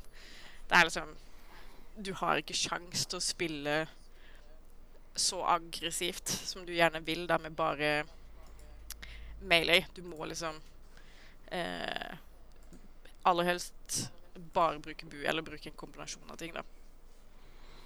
Ja, for det er ikke bare du som bare ikke er flink til å unngå å bli truffet? Eh, ja, altså, det kan godt hende. du skal ikke se bort fra det. Eh, men så dårlig er jeg ikke. Uh, er, det fortsatt, er, det fortsatt, gøy å, å banke opp robosaura? Sånn giant hitbox not withstanding? Ja. Altså, du får nok nye våpen i arsenalet ditt, og nok nye liksom, statuseffekter og sånne ting til at det føles friskt og gøy. Og man får lyst til å liksom eh, knerte så mange som mulig på så oppfinnsomme vis som mulig. Eh, så jeg syns fortsatt det er gøy, og jeg har jo fortsatt å spille spille i mange titalls timer etter at jeg fullførte hovedquesten. Noe jeg veldig sjelden gjør, fordi når hovedquesten er over, så er jeg litt sånn Ja, ja, men da er jeg spillet ferdig. Eh, men nå har jeg faktisk gått tilbake og tatt meg bryet med å liksom fullføre alle errands og jobs og sidequests og driver og samler ting og gjør alle cauldronsene og alle mulige sånne ting som jeg ikke trenger å gjøre for å spille spillet ferdig, men som eh, er veldig gøy å sitte og pusle med da, i etterkant.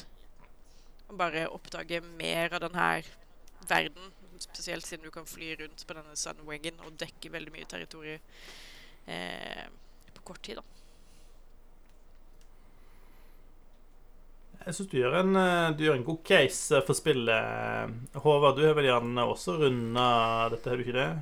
Jeg kom meg ikke helt gjennom, men eh, det ble, noen, det ble en del timer. Jeg er veldig enig i mye av det Susanne sier. Jeg syns de gjør en veldig god jobb med oppfølgeren, sånn som, med, sånn som Santa Monica gjorde med God of War, for så vidt. Uh, tar det som er bra i, i, det første spillet, gjør mer av det. Uh, gjør ting litt større og videreutvikler uh, det de har, på en veldig god måte. Så um, Ja, jeg er helt enig med Susanne. Dette er en sterk utfordrer i, i år en sterk kandidat. Ja, det, det, overrasker meg ikke noe nevnverdig.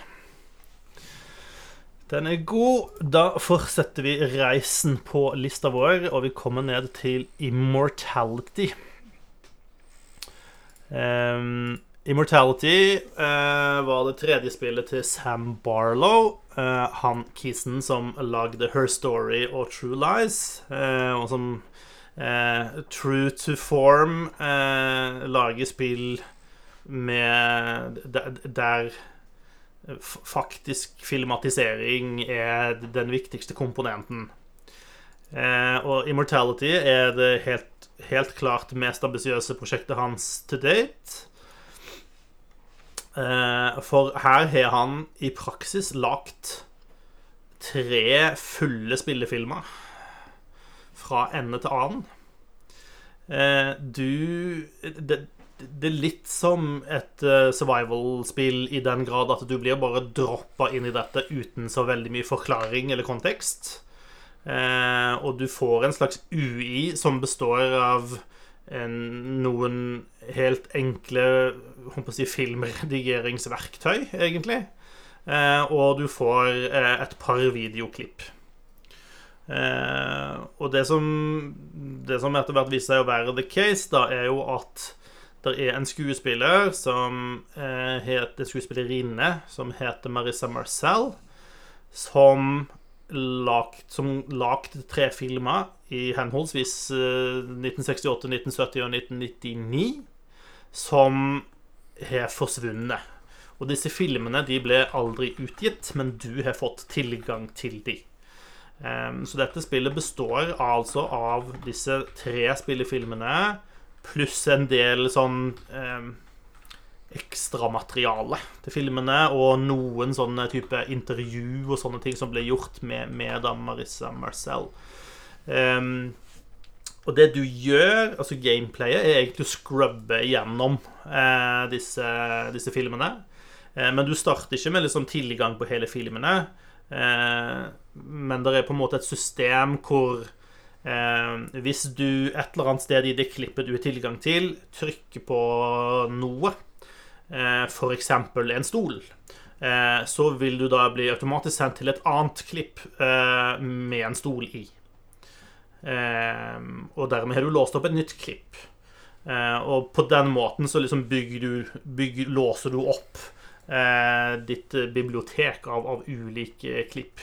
Og, så, og det det er liksom den eneste måten å gjøre det på. Eh, og ellers så er interaksjonen stort sett bare å spille av filmene og gjerne spole frem og tilbake.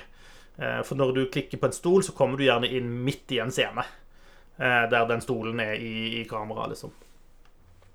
Det er en veldig rar måte å på en måte oppdage ting på. Det, det, det føles så tilfeldig hvordan du på en måte låser opp nye ting. Eh, og det gjør at progresjonen blir litt rar. Eh, og det er også en form for RNG i dette her, fordi at det er jo flere klipp som har en stol. Eh, og det kan være at hvis du skal til et spesifikt klipp da, du, som du på en måte mangler, så må du klikke på en stol åtte ganger før du tilfeldigvis får det klippet du egentlig var ute etter. Um, og det gjør på en måte Um, sånn som i, i, Her Story, da, altså, der føler du deg mer som, sant, som, en etterforsker som faktisk prøver å finne ut av noe, mens her har du på en måte ikke helt den rollen. Eh, men du spiller på en måte deg sjøl likevel, som driver og leter gjennom disse tingene. Um, og så dette er en Her er det spoilers, det må jeg bare si. Uh, fordi det er en sånn veldig spesifikk ting som skjer på et tidspunkt i Immortality. Um, fordi, eller jeg, jeg, spilte i hvert fall dette på, på konsoll, på Xbox. Um, og da er det en sånn ting at uh, noen, på noen tidspunkter når du sitter og ser, så kommer det liksom bitte lite grann vibrasjon i kontrolleren din. Um, og det er nok til at det tok ganske lang tid før jeg på en måte egentlig reagerte på det. Eh, men så liksom på et tidspunkt så stiller man seg jo spørsmålet hvorfor driver dette og skjer egentlig? Og det skjer på litt sånn tilsynelatende tilfeldig tidspunkt. Eh, sånn at når du da liksom går tilbake til det punktet hvor kontrolleren din eh, vibrerte litt, og du på en måte holder Fordi du bruker, du bruker liksom eh, kontrolleren til å spole frem og tilbake. Og liksom hvis du klarer å holde kontrolleren litt sånn stabilt på akkurat det stedet hvor den drev og vibrerte, eh, så blir du plutselig sendt til en slags ny versjon av det klippet du så. Eh, der det skjer noe helt annet enn det som egentlig på en måte skjedde i spillefilmen. Eh, og der er plutselig det folk som er, ser ut som de er døde, men allikevel prater, og gjerne prater direkte til deg gjennom filmen.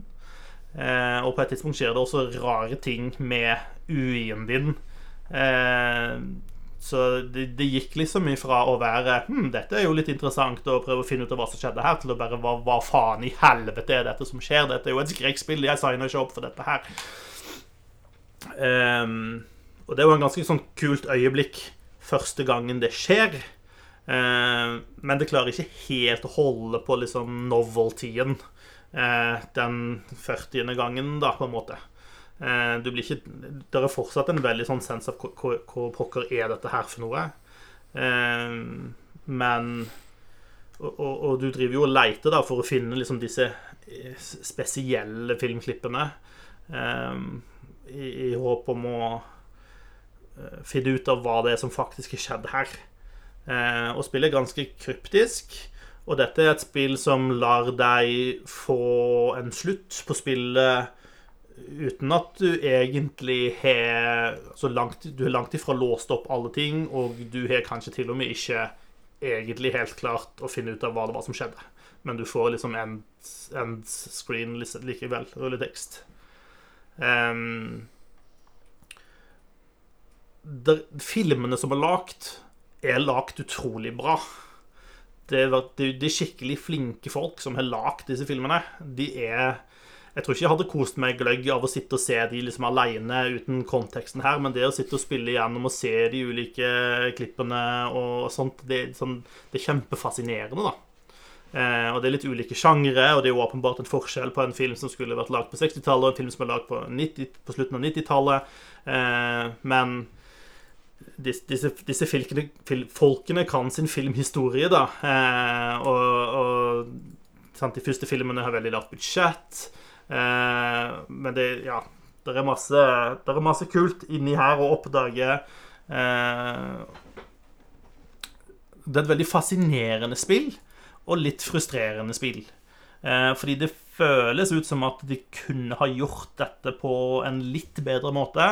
De kunne hatt en, en eller annen form for litt annen kontekst på det, og litt andre en litt annen progresjonsform, så kunne dette ha blitt liksom dritinteressant. da, Og et skikkelig sånn ti av ti-spill, egentlig.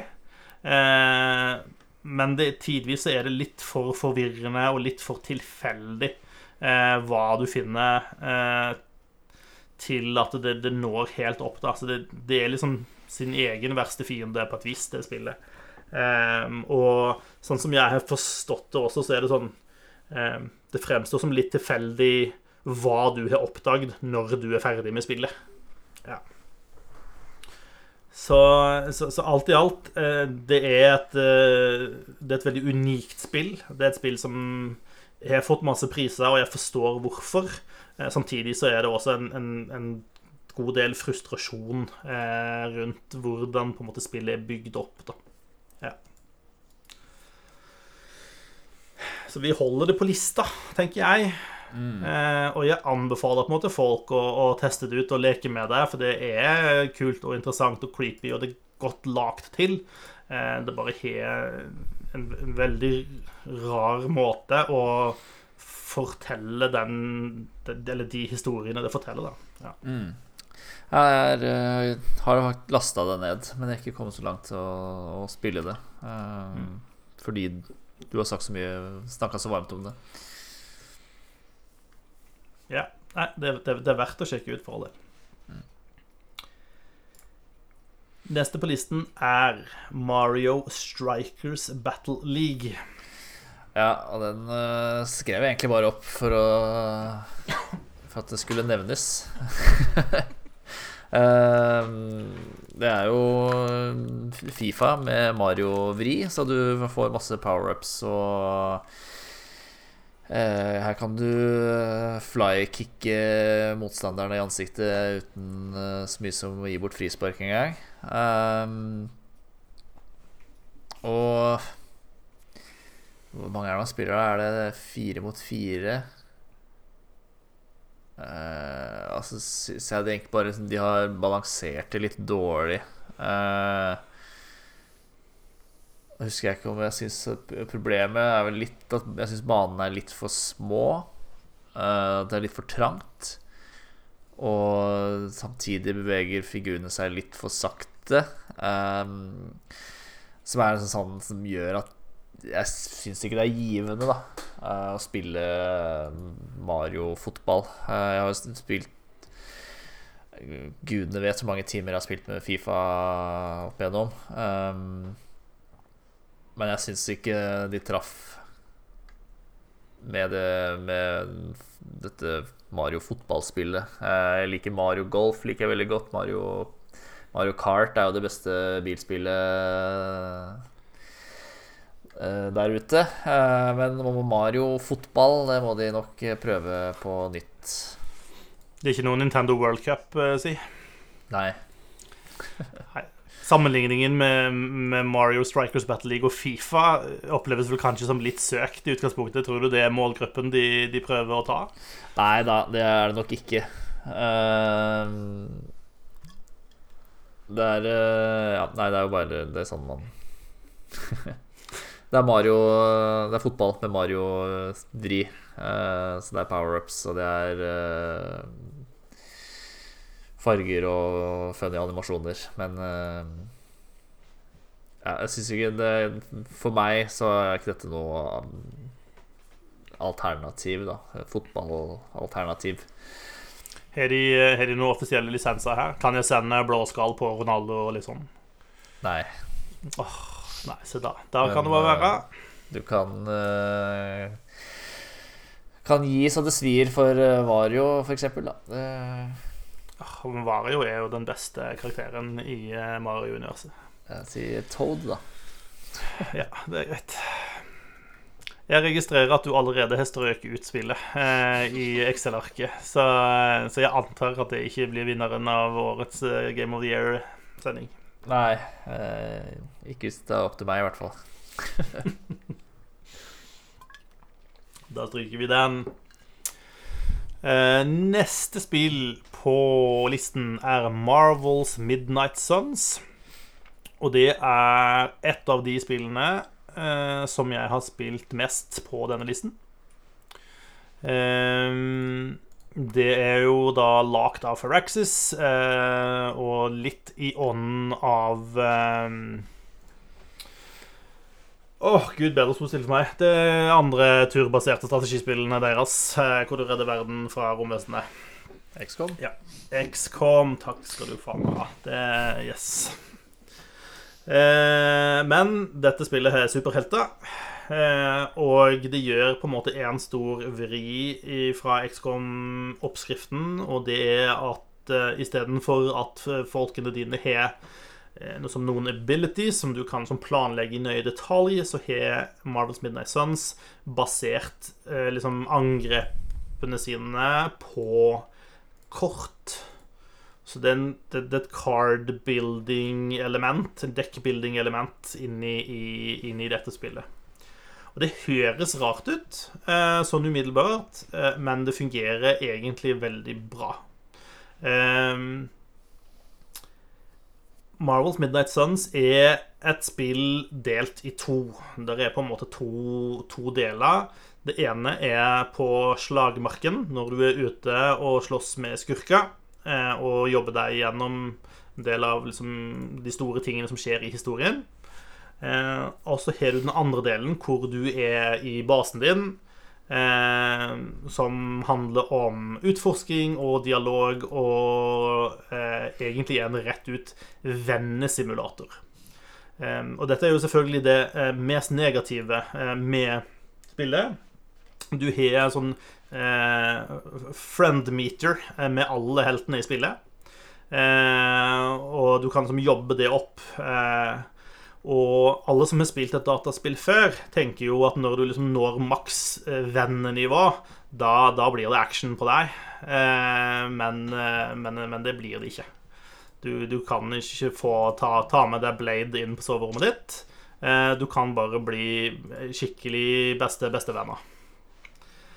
Så det er en missed opportunity, helt definitivt. Um, det som skjer på slagmarken, der du slåss, der, kamp, der det er taktiske kamper med disse kortene og sånt, det er skikkelig bra. Det er kjempetight, det er god strategi, det er Og det at Det at uh, du har disse, uh, disse deksene hvor det er litt tilfeldig hvilke kort du på en måte får til enhver tid, gjør også at kampene blir uforutsigbare. Uh, du lærer deg jo opp ulike strategier og hvordan du kombinerer kortene. Um, og kortene du har, er uh, Altså, hver helt har liksom sine egne kort. Uh, og når du går inn i kamp, så har du med deg tre helter. Uh, og det gjør Og da settes det sammen en dekk basert på kortene til de tre heltene. og det er jo kombinasjonene av disse da som er interessante. Eh, og så er det mekanikker for å, å låse opp nye, nye, kort underveis, oppgradere kortene du har, gjøre modifiseringer på kortene. Eh, det er på en måte et ganske eh, komplisert system som fungerer ganske bra. Det oppleves som at de har lagt riggen til et ganske fælt microtransaction-system inni her, men på et eller annet tidspunkt har funnet ut at fuck it, vi gidder ikke ta det i bruk. som jeg tror var en fornuftig tanke. Eh, for spillet har flere ulike in game currencies eh, som ikke gir noen mening i den grad det aldri har vært noe behov for å kjøpe noe som helst eh, i, i, spillet. Så det er litt sånn rar, rar greie der som Det ser helt genuint ut som at her hadde de tenkt å monetisere dette på en helt annen måte enn det de endte opp med å gjøre til slutt. Men Battle funker kjempebra. Eh, storyen eh, er relativt middels. Eh, ikke spesielt eh, overraskende twister i den. Eh, men hvis du liker superhelter, så er det mye kult som skjer. Det er mange kule superhelter som, som møtes her. Du har du har de Marvel De største Marvel-heltene du kjenner fra filmene, dukker opp. I hvert fall mange av de. Du har de som er The Midnight Suns, som er en setting jeg ikke kjente noe særlig til i forkant. Eh, og så er det ispedd en god del andre eh, karakterer fra Marvel og XCOM-universet. Eh, og de har også nå begynt å rulle ut DLC-listen sin med, med, nye helter. Eh, så Deadpool og nettopp, Han er vel den første som har kommet. Og så har de nettopp annonsert at neste eh, helt er Venom, eh, som også dukker opp. Og det er litt sånn eh, eh, du, du, du, samler jo på en måte sammen disse heltene og skal prøve å få dem til å samarbeide eh, og dra i, i samme retning. Eh, når du er i basen din, så er det en sånn rar modus for å drive og utforske denne basen. For der er det liksom en historikk, og det er ting som er skjedd, og det knytter opp til liksom deg og mora di og, og, og masse styr den utforskinga er ganske middels interessant, egentlig. Eh, jeg syns den er litt, litt, kjip, og den føles litt sånn eh, Her må vi jo ha noe. Eh, vi, må, vi, må, lage noe hvor det går an å oppdage ting, og her kan vi ha noen kister som de kan finne, hvor det er noen av disse rare currencyene oppi som man kan bruke til å kjøpe cosmetics med. Og en del av det føles ganske rart. Eh, men den delen hvor du faktisk har dialog med de andre heltene, og du kan ta dem med på det som i praksis er dates. Eh, de bare kaller det ikke det. Altså og så er det en sånn rare altså det, er en, det, er en, litt sånn rar form for humor i dette spillet. For det er sånn På et tidspunkt så insinuerer de at Blade har the hots for Captain Marvel. Uh, og for å innunde seg hos henne, så velger da Blade å starte en bokklubb. eh, som du blir med i. Eh, og av en eller annen grunn også Captain America. Eh, så, så, så du, eller din helt, da, og Captain America og Blade og eh, Captain Marvel eh, sitter liksom i en sofa og diskuterer bøker der dere har lest. Og dette skjer liksom da mange ganger. Og det er en del sånn tilsvarende ting som det, som er ganske rart og ganske weird. Eh, men for alle som liker å se sånne meters gå opp, eh, så, så, er det jo tilfredsstillende også. Eh, og jeg syns den biten egentlig fungerer ganske OK. Jeg, jeg, jeg, kan sette pris på at man på en måte jobber seg inn og blir mer buds med noen av heltene og sparrer med de og alle de greiene der, og blir en del av det litt sånn drama imellom de, da. Så i det store og det hele så er det, sånn, det er definitivt ikke et perfekt spill. Det har noen flås og tatt, del, tatt, noen rare avgjørelser i løpet av produksjonen.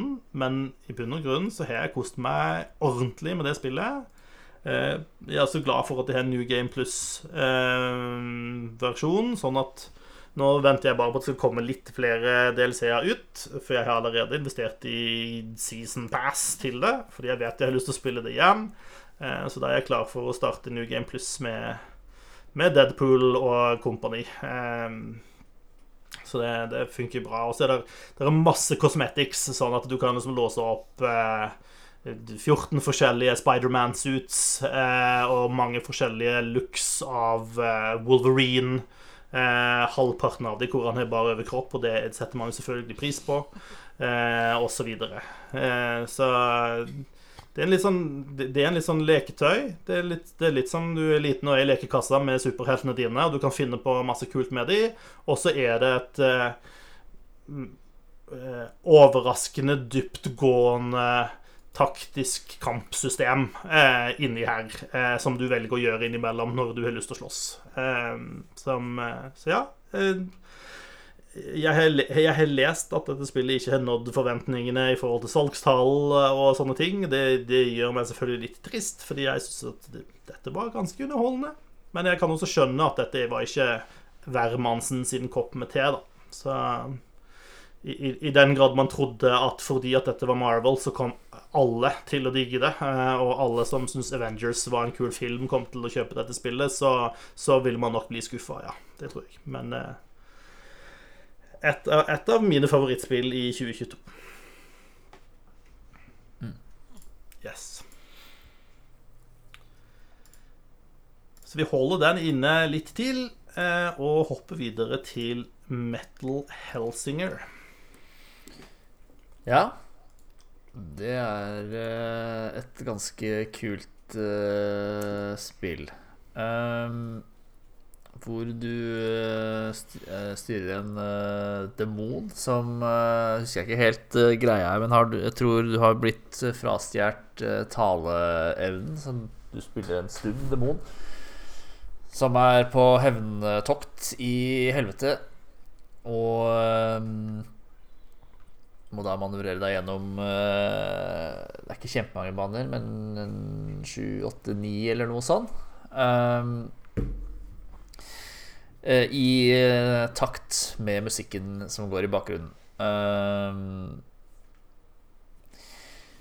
for altså hvis du Her har de kombinert av skyting og rytmespill, så hvis du skyter på fiendene i takt med musikken, så går multiplieren din opp, og du får mer poeng. Og jo høyere multiplier du får, jo, mer, jo flere instrumenter jo mer, jo mer komplett blir musikk musikkbildet.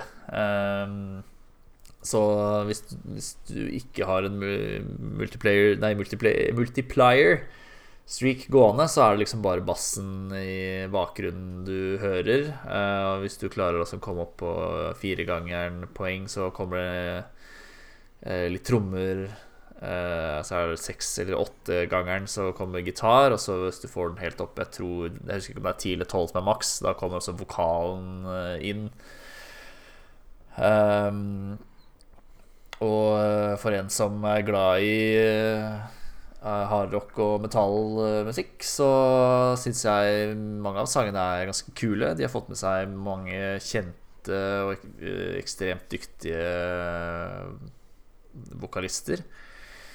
Um, som jeg tenker de, Det er kanskje det Det er den feelingen der da som er eh, Er det man må jakte i dette spillet. Um, jeg syns liksom, det, er, det er mye repetitive fiender, så det er en fordel at spillet ikke er eh, lenger enn det er. Jeg tipper du kan sikkert runde det på en sju-åtte timer, litt avhengig av eh, vanskelighetsgrad. Um, men det den, eh, den føles veldig godt, da. Um, når du fyrer av, du treffer på takta, og du faktisk treffer fiendene, ikke minst. Um, men jeg syns jeg spilte på På konsoll for at det var på GamePass. Um, da jeg tror det var en Day One-release. Um, og det er jo ikke like lett å spille skytespill på På konsoll, så jeg følte ofte at jeg, jeg bomma sånn det føles veldig godt når du klarer å holde en bra streak, men da blir det også desto stor eh, nedtur når streaken brytes og musikken litt sånn sakte, men sikkert uh, si, glipper mellom fingra dine, nærmest. Um, som ødelegger opplevelsen Ødelegger den gode opplevelsen du liksom akkurat har hatt. Da. Det blir liksom bare tatt fra deg uh, hvis du ikke er god nok. For jeg skjønner at dette, dette er skill issue. Um, men det, det, ja, det trakk litt Det trekker litt ned for meg, da. Og hvis det er litt nedetid mellom Det er veldig sånn Det er veldig preg av Det er veldig lineært. Du kommer inn i et rom eller en sånn arena. Veldig åpenbart at her kommer det til å bli fight. Um, og så skyter du masse fiender, du får en bra streak. Uh, du får høre på liksom, musikken eller sangen sånn som den skal, uh, skal være. Um, og så mens du da beveger deg mellom det rommet og det neste rommet, så er det ingenting å skyte på. Så multiplieren går ned.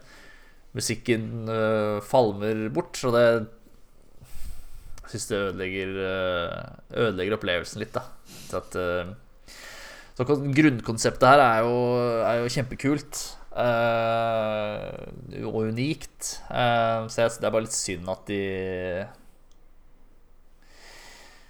jeg spenner litt ben på seg sjøl, da. Ved at uh, de tar fra deg den gode opplevelsen som liksom Som på mange måter er målet.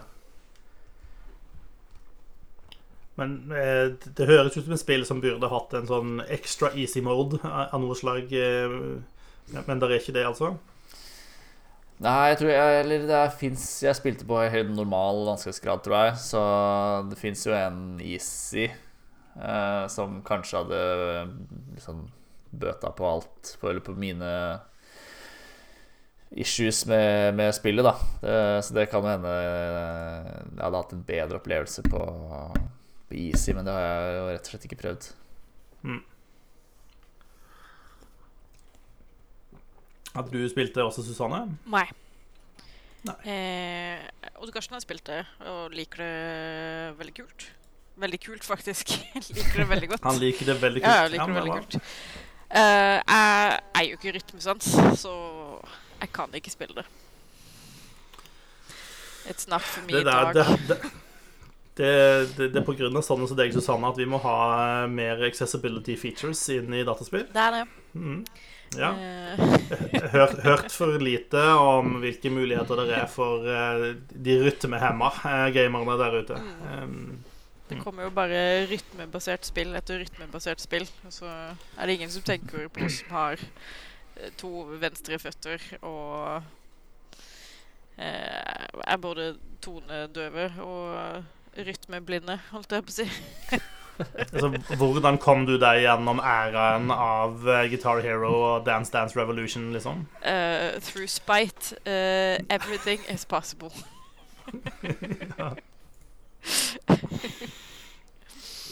yes. Men det høres ut som du syns at Metal Helsinger var sånn passe OK, da, Håvard? Ja da. Det passe ok, tror jeg er, er en fin konklusjon eh, for meg, i hvert fall. Passe ok. Neste på lista er Oli Oli World. Ja, det er også et spill som jeg så, så fram til. Det er et skatespill. En uh, sjanger som jeg er uh, er veldig glad i. Jeg har veldig, hatt det mye gøy med skatespill uh, opp igjennom. Så uh, har jeg hørt at Oli Oli har fått uh, fikk mye skryt da det kom. og var Men kom alltid sånn at jeg spilte det. Men, men jeg var, jeg var gira på Ollie Ollie World, som er en slags oppfølger, da. Um, det var kanskje det tredje spillet, til og med? Det tredje, kanskje, til og med. Det er, kan hende riktig. Mm. Um, men det var litt skuffende, egentlig. Um, og ikke Så det er jo en sånn A til B 2D-skatespill, og det trenger ikke gjøre når jeg har spilt eh, andre 2D-skatespill som jeg har hatt eh, syntes vært kjempegøy. Men uh, jeg falt ikke helt uh, Da husker jeg ikke helt hvorfor, men jeg husker, jeg husker at jeg ikke likte uh, Eller at Holly Holly World ikke var noe, sånn, var noe særlig for meg. Um, og det er noe med at du må For det er noe du må skate fra A til B. Og så er det masse challenges underveis, og hvis du liksom misser, så må du Eh, så er det checkpoints underveis, da, men det er jo noe sånn du skal spille hele bana uten å krasje. Og hvis du er completionist, da, så må du jo starte helt på nytt. Da er jo det eh, checkpointet lite verdt. Um, og så syns jeg det var litt for lite variasjon i, i triks og litt sånn muligheter for å freshe ting opp på den måten. Um, så, så, jeg ble litt skuffa. Um, jeg har ikke tenkt å krangle på at det spillet skal Skal opp på lista, uh, dessverre. Da, da, da, stryker vi det av listen. Yep. For jeg tror verken jeg eller Susanne kommer til å, å holde det, det, veldig høyt, uh, fanen for Olje World. Nei, da er vi enige. Det er sånn bølgelengde. Eh, Obelets eh, jeg har hørt rykter om at Susanne har spilt. Eh, og en av grunnen til at jeg vet det, er fordi at det spillet var også på listen vi diskuterte for Game of the Year i 2020. ja, jeg prøver meg igjen. Ja. Eh. For i, i, 2022 ble det faktisk gitt ut. Ja. Eh, mm. For i 2020 så var det bare i Early Access, men i fjor så kom det ut eh, i regular access, holdt jeg på å si. Final Form. Final Form. Og det kom ut på Switch. Så da, da, tenker jeg at det er innafor å, å nominere det igjen. Og, håpe at det går bedre denne gangen. Jeg mener jeg ble ganske hardt nedstemt forrige gang. Da hadde vi Early Access-argumentet å lene oss på. Ja, eh, det har dere ikke nå. Eh, så jeg tror egentlig ikke jeg trenger å si noe om spillet, i og med at jeg er den eneste som har spilt det, og kan bedømme det på noe som helst vis. Så det er Game of the Year, rett og slett. Hvis vi later som at det er noen som lytter på oss og lurer på hva i alle dager er dette Ublitz du prater om? Ublitz er kjempesøtt. Um, uh, indiespill utvikla av et uh, ektepar som kaller seg for uh, Glumberland. Uh, og de har lagd en slags resource management fang Pokémons, bare ikke Pokémons spill. som i tillegg har en ganske kul historie. Eh, så på overflaten så er det supersøtt og koselig, og du bekjemper disse ubletsene, som de heter, eh, ved å utfordre de til dance battles. Eh, og en dance battle eh, I en sånn dance battle så bruker du kort som du har samla opp eh, når du fanger eller får nye ublets, og så må du spille de, og disse kortene da har moves eh, som enten har liksom buffs eller debuffs til det andre laget, og koster da eh, action points å spille. Og så har du et visst antall action points for hver runde, og så gjelder det å komme til en viss eh, poengsum fortest mulig. Eh, veldig simpelt, eh, men kjempegøy. Fordi disse ubeltsene har veldig mange interessante moves. Uh, og de forskjellige ubeltsene har også uh, spesialdansetrinn da, som bare de eh, kan bruke. Så du kan liksom eh, bruke litt taktikk og sånne ting. Eh, kjempegøy. Eh, og så har du din egen lille gård som du kan oppgradere. Og så dyrker du forskjellige planter som du kan høste og gjøre om til forskjellige matretter og, og sånne ting. Eh, som du kan selge i din egen butikk, som er veldig kos. Eh, så er det generelt sett bare et jævlig trivelig spill. Eh, innimellom så må du hjelpe ordføreren av byen du bor i, med ymse oppdrag. Eh, fordi hun prøver å få Ub Badgetown, da, som det heter, tilbake på kartet. Eh, fordi eh, The Oob Council, de som stø, stø, styrer denne øya vi befinner oss på, eh, har bestemt at eh, Badgetown har mista bystatusen sin eh, og må eh, flyttes fra, holdt jeg på å si.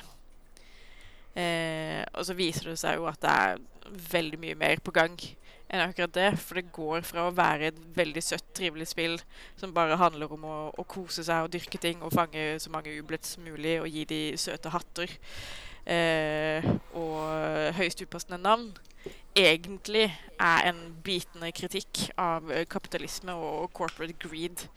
Eh, og når den switchen skjer, eh, så er det så jævlig kult, fordi du ser den virkelig ikke komme.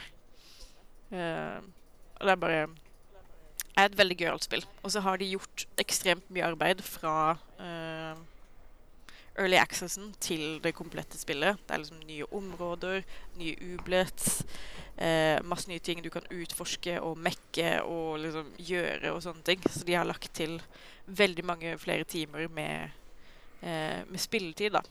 Fra early access og til eh, den faktiske utgivelsen. Men de lurer, de lurer deg altså til å tro at dette er et hyggelig, koselig spill med masse ublets, og så er du egentlig utsatt for eh, grov marxistisk propaganda, er det du sier? Ja. Og hva mer trenger du av et Game of the Year-spill, spør jeg. Nei, du sier noe. Ja. altså, jeg har, jeg har kost meg kjempemye. Uh,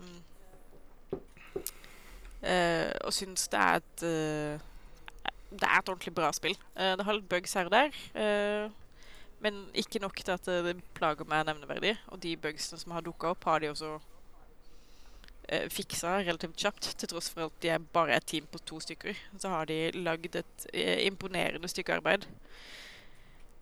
som fortjener en veldig høy plass på lista, spør du meg. Det, det, det gjør vi jo av og til. Så da kaster vi ikke ut Ublitz eh, umiddelbart. Nei. Eh, og med det så har vi kommet til Susannes favorittseksjon eh, av enhver double jump-sending, nemlig der jeg og Håvard skal prate om Overwatch. For eh, det viser seg at Overwatch 2 eh, ble gitt ut i 2022. Eh, og hva mener vi om det, Håvard? Uh, Overwatch 2 har uh, vokst på meg. Jeg Den største forskjellen da Overwatch, uh, fra Overwatch 1 til Overwatch 2 er at de fjerna én spiller på hvert lag, så det ble fem mot fem. De fjerna en tank, som er den rollen jeg syns er morsomst å spille. Og noe det jeg syns var morsomst med Overwatch 1, var synergiene mellom de to tankene. Um, så jeg var utgangspunkt uh, ganske så negativ til, uh, til den fem mot fem-endringa. Um, men det har jo blitt kompensert uh, for, da, så tankene er på i hvert, fall, sånn, generelt grunnlag er de sterkere sånn enkeltvis enn det de var i, i eneren. Um, og eh, har blitt eh, justert uh, videre nå Skal vi se hvor lenge det hadde vært ute nå, da. Vi er midt i sesong tre, så det har vært ute i en uh, 20-22 uker eller noe sånt. Um, og, og, nå syns jeg egentlig at det er uh, Det fungerer ganske bra. Jeg har det ganske gøy med å spille tank, selv om jeg er uh, alene. Um,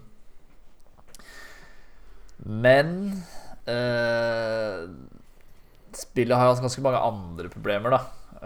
mye dårlig balansering. flere helter som har vært veldig overtuna. Um, så Som liksom ikke har blitt fiksa eller uh, nærma seg uh, et godt, rettferdig, balansert nivå før nå veldig nylig. Så jeg er litt sånn usikker på om Overwatch 2 anno 2022 når helt opp i toppen. Ja, for dette er jo Altså, spillet er lansert, men eh, for det første så har vi jo kun fått flerspillerdelen. Mm. Det har jo blitt snakket masse om at det kom, eh, At det skulle komme mer eh, innhold du kan spille alene, eller samarbeide med andre om å spille. Eh, men det er bare utsatt til en eller annen gang i fremtiden. Så vi har kun fått flerspillerdelen, og flerspillerdelen er veldig åpenbart eh, under stadig utvikling mm. fra sesong til sesong. Det er vel strengt talt early access, uh, er det ikke det, da? Overwatch 2? De sier i hvert fall det selv. ja, jeg vet ikke om det formelt er det. Eh, det er jo i så fall en fin grunn til at vi kan prate om Overwatch 2 de neste fire årene også, da. For at de blir jo ikke ferdig med det med det første. Um, men jeg, jeg um, det, det, er litt sånn um, Overwatch-fans har vært sultefòra på nytt innhold eh, i årevis. Eh, nå har de fått noe nytt innhold. Eh, det er fortsatt eh, Med en gang Overwatch 2 kom, eh, så var det litt sånn underwhelmed hvor mye mer nytt innhold det var der. For det var jo ikke all verdens. Det var sånn Å, her er en ny helt og et par nye brett. og Hei, se på disse kule dingle-cosmeticsene du nå kan feste til våpnene, som du egentlig ikke ser noe særlig av i spillet uansett. Mm. Um, men nå produseres det i hvert fall mer innhold på en relativt jevn basis. Uh, det kommer nye sesonger, det kommer nye helter, det kommer nye baner, det kommer masse nye cosmetics. Uh, og så har de en eller annen uh, Ja, de har en beef eh, med de som har bestemt seg for hvordan de skal monetise Overwatch 2. For Overwatch 2 er gratis å spille, og det tenker jeg er helt greit. Og så selger de Season Pass, og det tenker jeg at også er helt greit. Eh, og så har de en butikk hvor du kan kjøpe cosmetics i, og de cosmeticsene de koster i huet og ræva.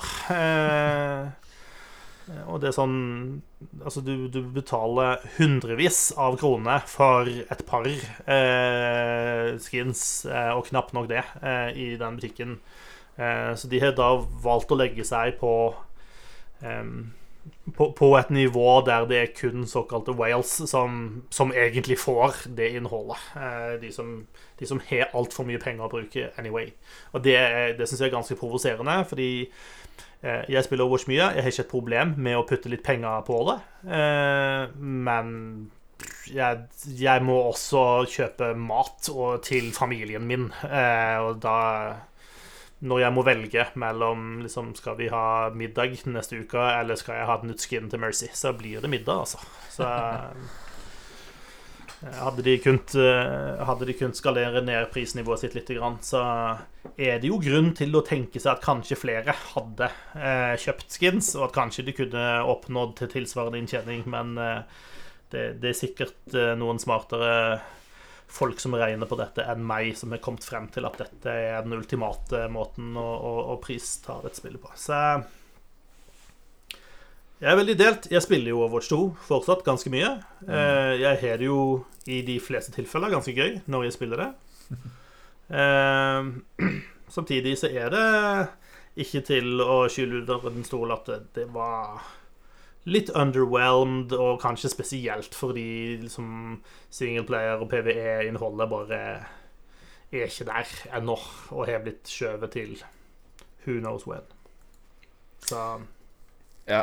Nei, det er, det er noe de, altså de veldig åpenbart at de har bare stikke fingeren i lufta og lansert eh, med en modell som de håper at skal funke, og så har de eh, fått mye eh, mye krass feedback. eh, Og så må de drive og justere det til. Og jeg, sånn, de nærmer seg noe, men det de har gått, tatt veldig lang tid da, å, å, fikse på liksom de store klagepunktene. Um, så jeg tenker sånn, Det blir bedre og bedre, syns jeg. Uh, de har begynt å bli flinkere til å kommunisere med communityet. Det er, uh, det er bra. Ehm, men eh, ja, så kan det sikkert også Vi, vi har jo spilt Overwatch siden 2016. Da tok det oss med storm. Eh, vi er kanskje litt uh, Hva heter det um, Ja, vi har sånn slags romantisk eh, syn på det fordi vi har spilt det så mye, og vi har hatt så mye gøy med det, og vi har investert masse tid i det, og at vi eh,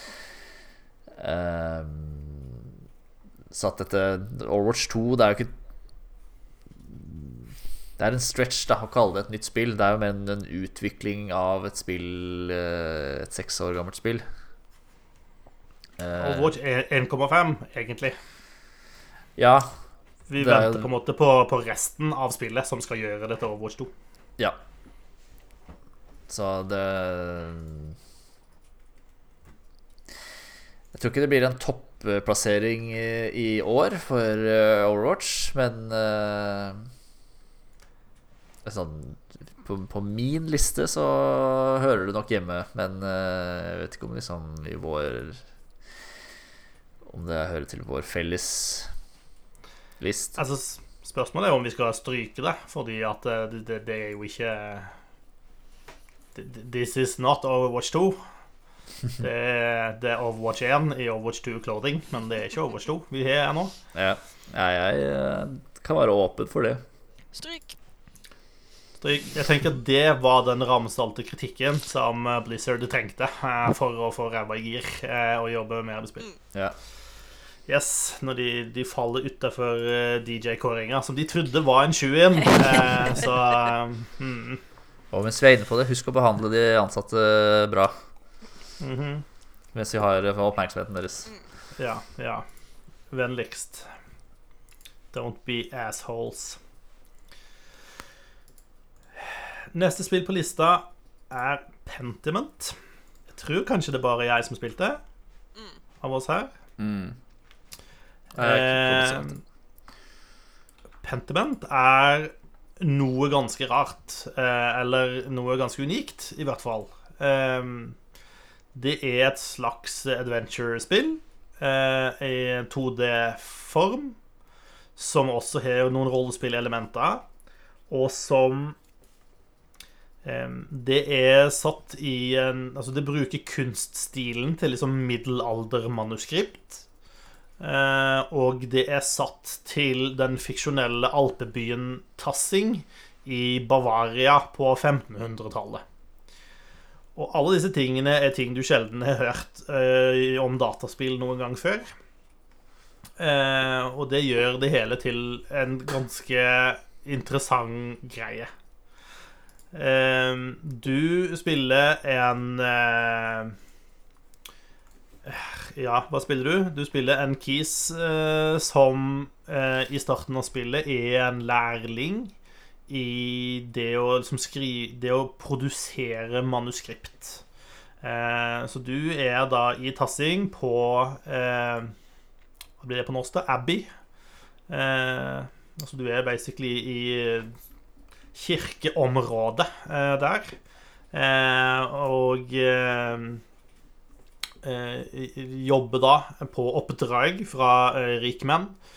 Eh, å produsere eh, manuskripter. Da. Og det er både med å skrive, men også å utsmykke på en måte disse. Gjøre disse flotte og fine, og verdt de relativt dyre summene man tar betalt for å, å, å lage disse verkene. Eh, og, og, der blir du Der møter du masse interessante mennesker. Eh, noen av kollegene dine som også jobber med dette her. Og de som, de som er prester, og de som er nonner. Og du blir på en måte satt veldig inn i denne lille middelalderbyen. Eh, du bor hos en familie eh, som er bønder og jobber med jorda. Og er, det er en liten landsby som på en måte er, er, er skapt her. Så en dag skjer det et mord. Eh, en rik mann som hadde en bestilling hos dere, han, eh, han er drept.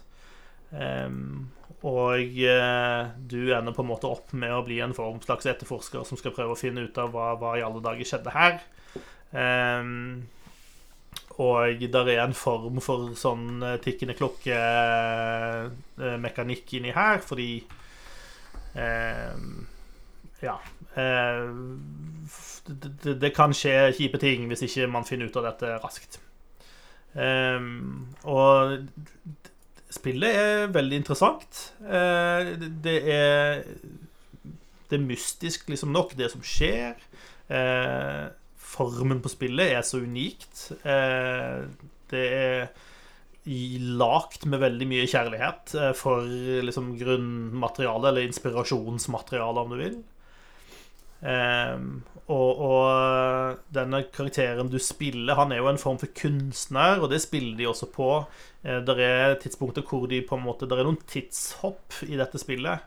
Og imellom de tidshoppene så sendes du liksom inn i hodet hans, uh, og på en måte får uh, bli en del av hans indre dialog.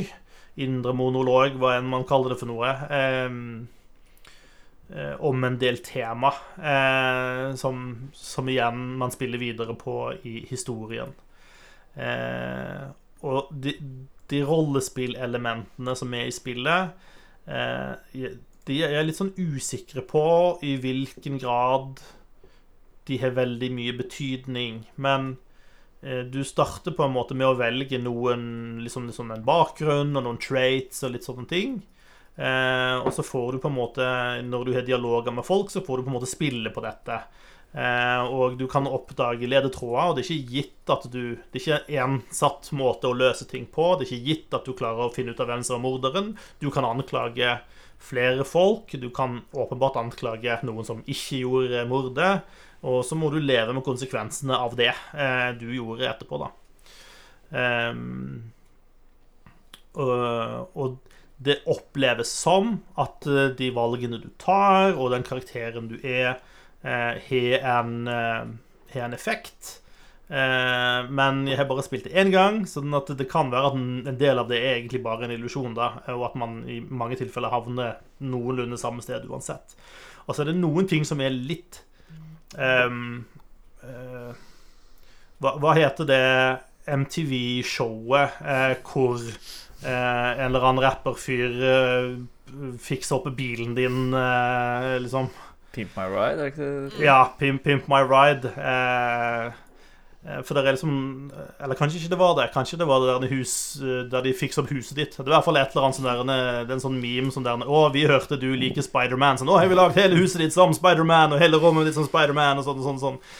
og de har hatt litt den tankegangen av og til med noen av disse traitsene du kan velge. Så i min gjennomspilling så valgte jeg at min karakter var eh, veldig glad i bøker. Han likte å lese. Um, eh, og det gjør at han gjennom spillet tidvis oppfører seg fryktelig irrasjonelt. Eh, på et tidspunkt, eh, liten spoiler, eh, så begynner det å brenne eh, inne på, på kirkeområdet der alle bøkene er. Eh, og fordi at min karakter er så glad i bøker, eh, så nekter han eh, å forlate området når det er i ferd med å brenne ned, som gjør at han dør. Han velger å bli værende og dø sammen med bøkene heller enn å redde seg sjøl. Det sånn det, dette er ikke det jeg mente når jeg sa at karakteren min likte å lese. ja. Eh, og det er liksom noen sånne elementer underveis også som sånn Ja, jeg, jeg, vet at jeg, jeg, ville han skulle like å lese, men dette Han, han er ikke så jævlig Altså, ja. He doesn't fuck his books, OK? Eh, ja. Sure, he doesn't. så, Eh, ja. Eh, men det som jo også er interessant, da, er jo at selv om karakteren min døde der, eh, så fortsetter spillet. Eh, og sånn at du, når du da kommer til neste tidshopp, så spiller du da som en av de andre karakterene som du møtte i, eh, i denne landsbyen. Som da på en måte må ta opp the mantle og finne ut av ja, hva var det egentlig som skjedde her. og sånn. Sånn at det er lagt en del kule mekanikker inni her eh, som, som jeg trenger å spille det spillet en gang til på for å liksom klare å se helt hva er det som egentlig foregår liksom behind eh, eh, Altså under panseret. Men ehm, det er et kjempeunikt spill. Det er lagd med masse kjærlighet. Det er noe helt annerledes enn Jeg hadde aldri i min rareste fantasi tenkt at noen skulle lage noe sånn som dette. Uh, og det er ikke fryktelig langt spill, så det er ikke den største tidsinvesteringen å spille det. Uh, så det Ja, det, det er noe av det mest unike og kuleste som kom i 2022, i min mening.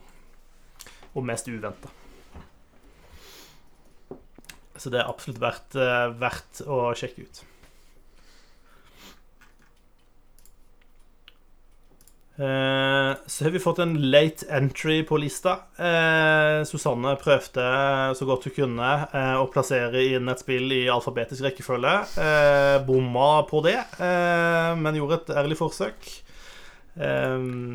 Så Q kommer jo etter P. Ja, men det er en the Ja, men de ignorerer det. Jeg jobber i bokhandel.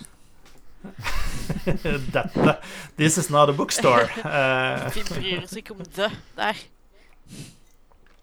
Nei, det må du ta opp med Excel-mesteren sine formularer, eh, som har satt opp den eh, Der, her strides de, de lærde. Wow. Eller de nerde. Ok, Da får vi snakke om Saints Row eh, i stedet. Har ikke spilt det. Har ikke spilt det. Nei, og det har ikke jeg heller, så da kan vi sette Saints Row rett på, rett på søppelhaugen. Eh, det, det havna i eh, den samme kategorien med spill som man hadde forventninger til. Det kom en kul trailer på et tidspunkt som så ut som å, dette kan bli skikkelig stilig. Og og så kom det ut, og så syns folk at det var kjipt, og da har jeg eh, ikke spilt det. Stray tror jeg at noen her har spilt. Stray er så fint. Eh, Ti av ti. No notes. Kjempegøy. Du spiller en katt. Du kan mjaue på folk. Du kan klore på ting. Du kan være en general nuisance. Eh, og det har en kul historie. Eh, kult soundtrack. Og det er en perfekt lengde. Det Ja.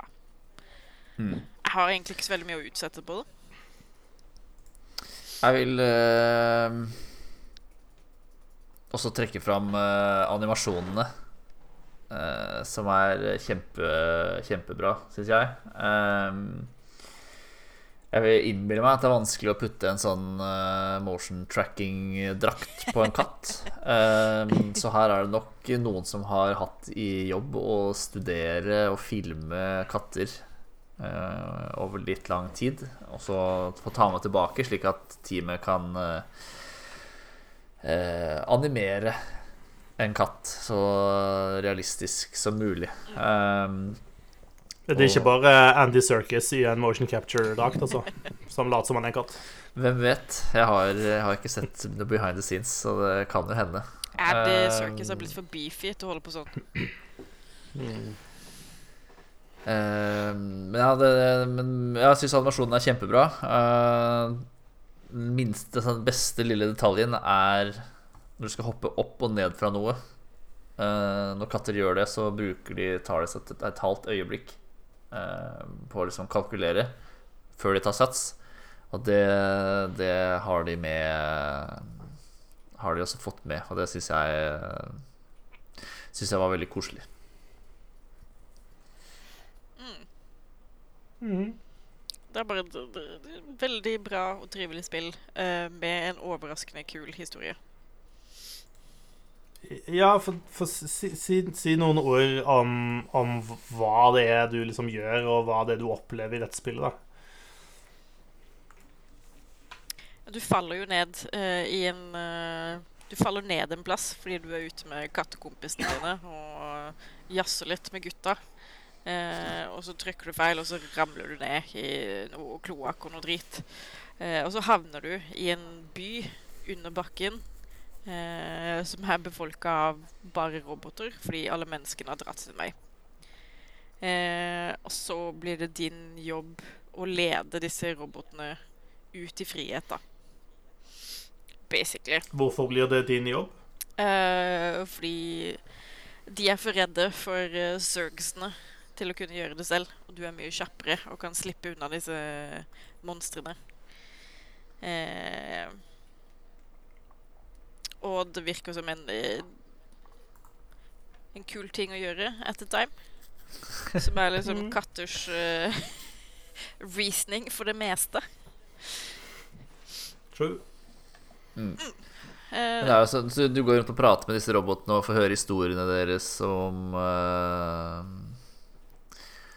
Og eh, ja, de har jo De savner eh, venner og familie som har eh, forlatt Det er jo nesten som en sånn favela eller sånn Ser ut som et sånn fattig strøk. Eh, og de er, lurer jo på hva som skjuler seg over sånn byen over, da. Der um, Der ting visstnok er eh, Er veldig fint. Eh, så jeg syns det, det er mye fine historier der eh, når du møter og prater med Prater med disse robotene. Som, eh, om savn og sorg og eh, Og livet. Livet, døden og allting. Yes. Nei, men bra. Eh, Jeg kjenner at det kommer til å være min jobb å være kritisk til Stray eh, senere i denne sendinga, så det kan jo bli spennende. Eh, Vi holder den eh, inne inntil videre, tenker jeg. Det syns jeg. Og så går vi til Teenage Mutant Ninja Turtles kolon Shredders Revenge. Eh, ja, dette har jeg spilt eh, Det ligger på GamePass. Uh, så jeg har en eh, god venn som eh, nok liker eh, eh, Turtles eh, litt mer enn meg. Um, men eh, dette er et sånn eh, typisk klassisk sånn beat them up. Eh, 2D, eller 2,5D, vel. Um, som jeg i utgangspunktet ikke syns er eh, kjempegøy lenger. Eh, Jeg tenker spill har kommet eh, Spill med det har kommet litt lenger enn eh, enn en det. Um, Men det var da hyggelig å spille gjennom det en gang. Det var ikke sånn kjempelangt, så det tok vel eh, bare et par-tre timer. Men det er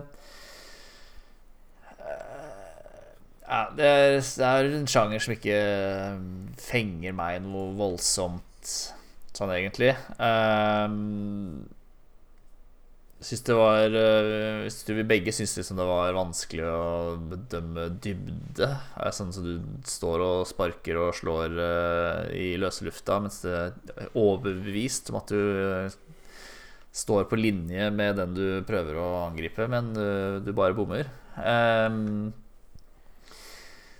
så ja, jeg syns ikke sånn alltid eh, at man eh, Eller at jeg i hvert fall eh, hadde sånn følte jeg hadde kontroll på hva som skjedde, og hva Hva jeg gjorde og, og sånn, som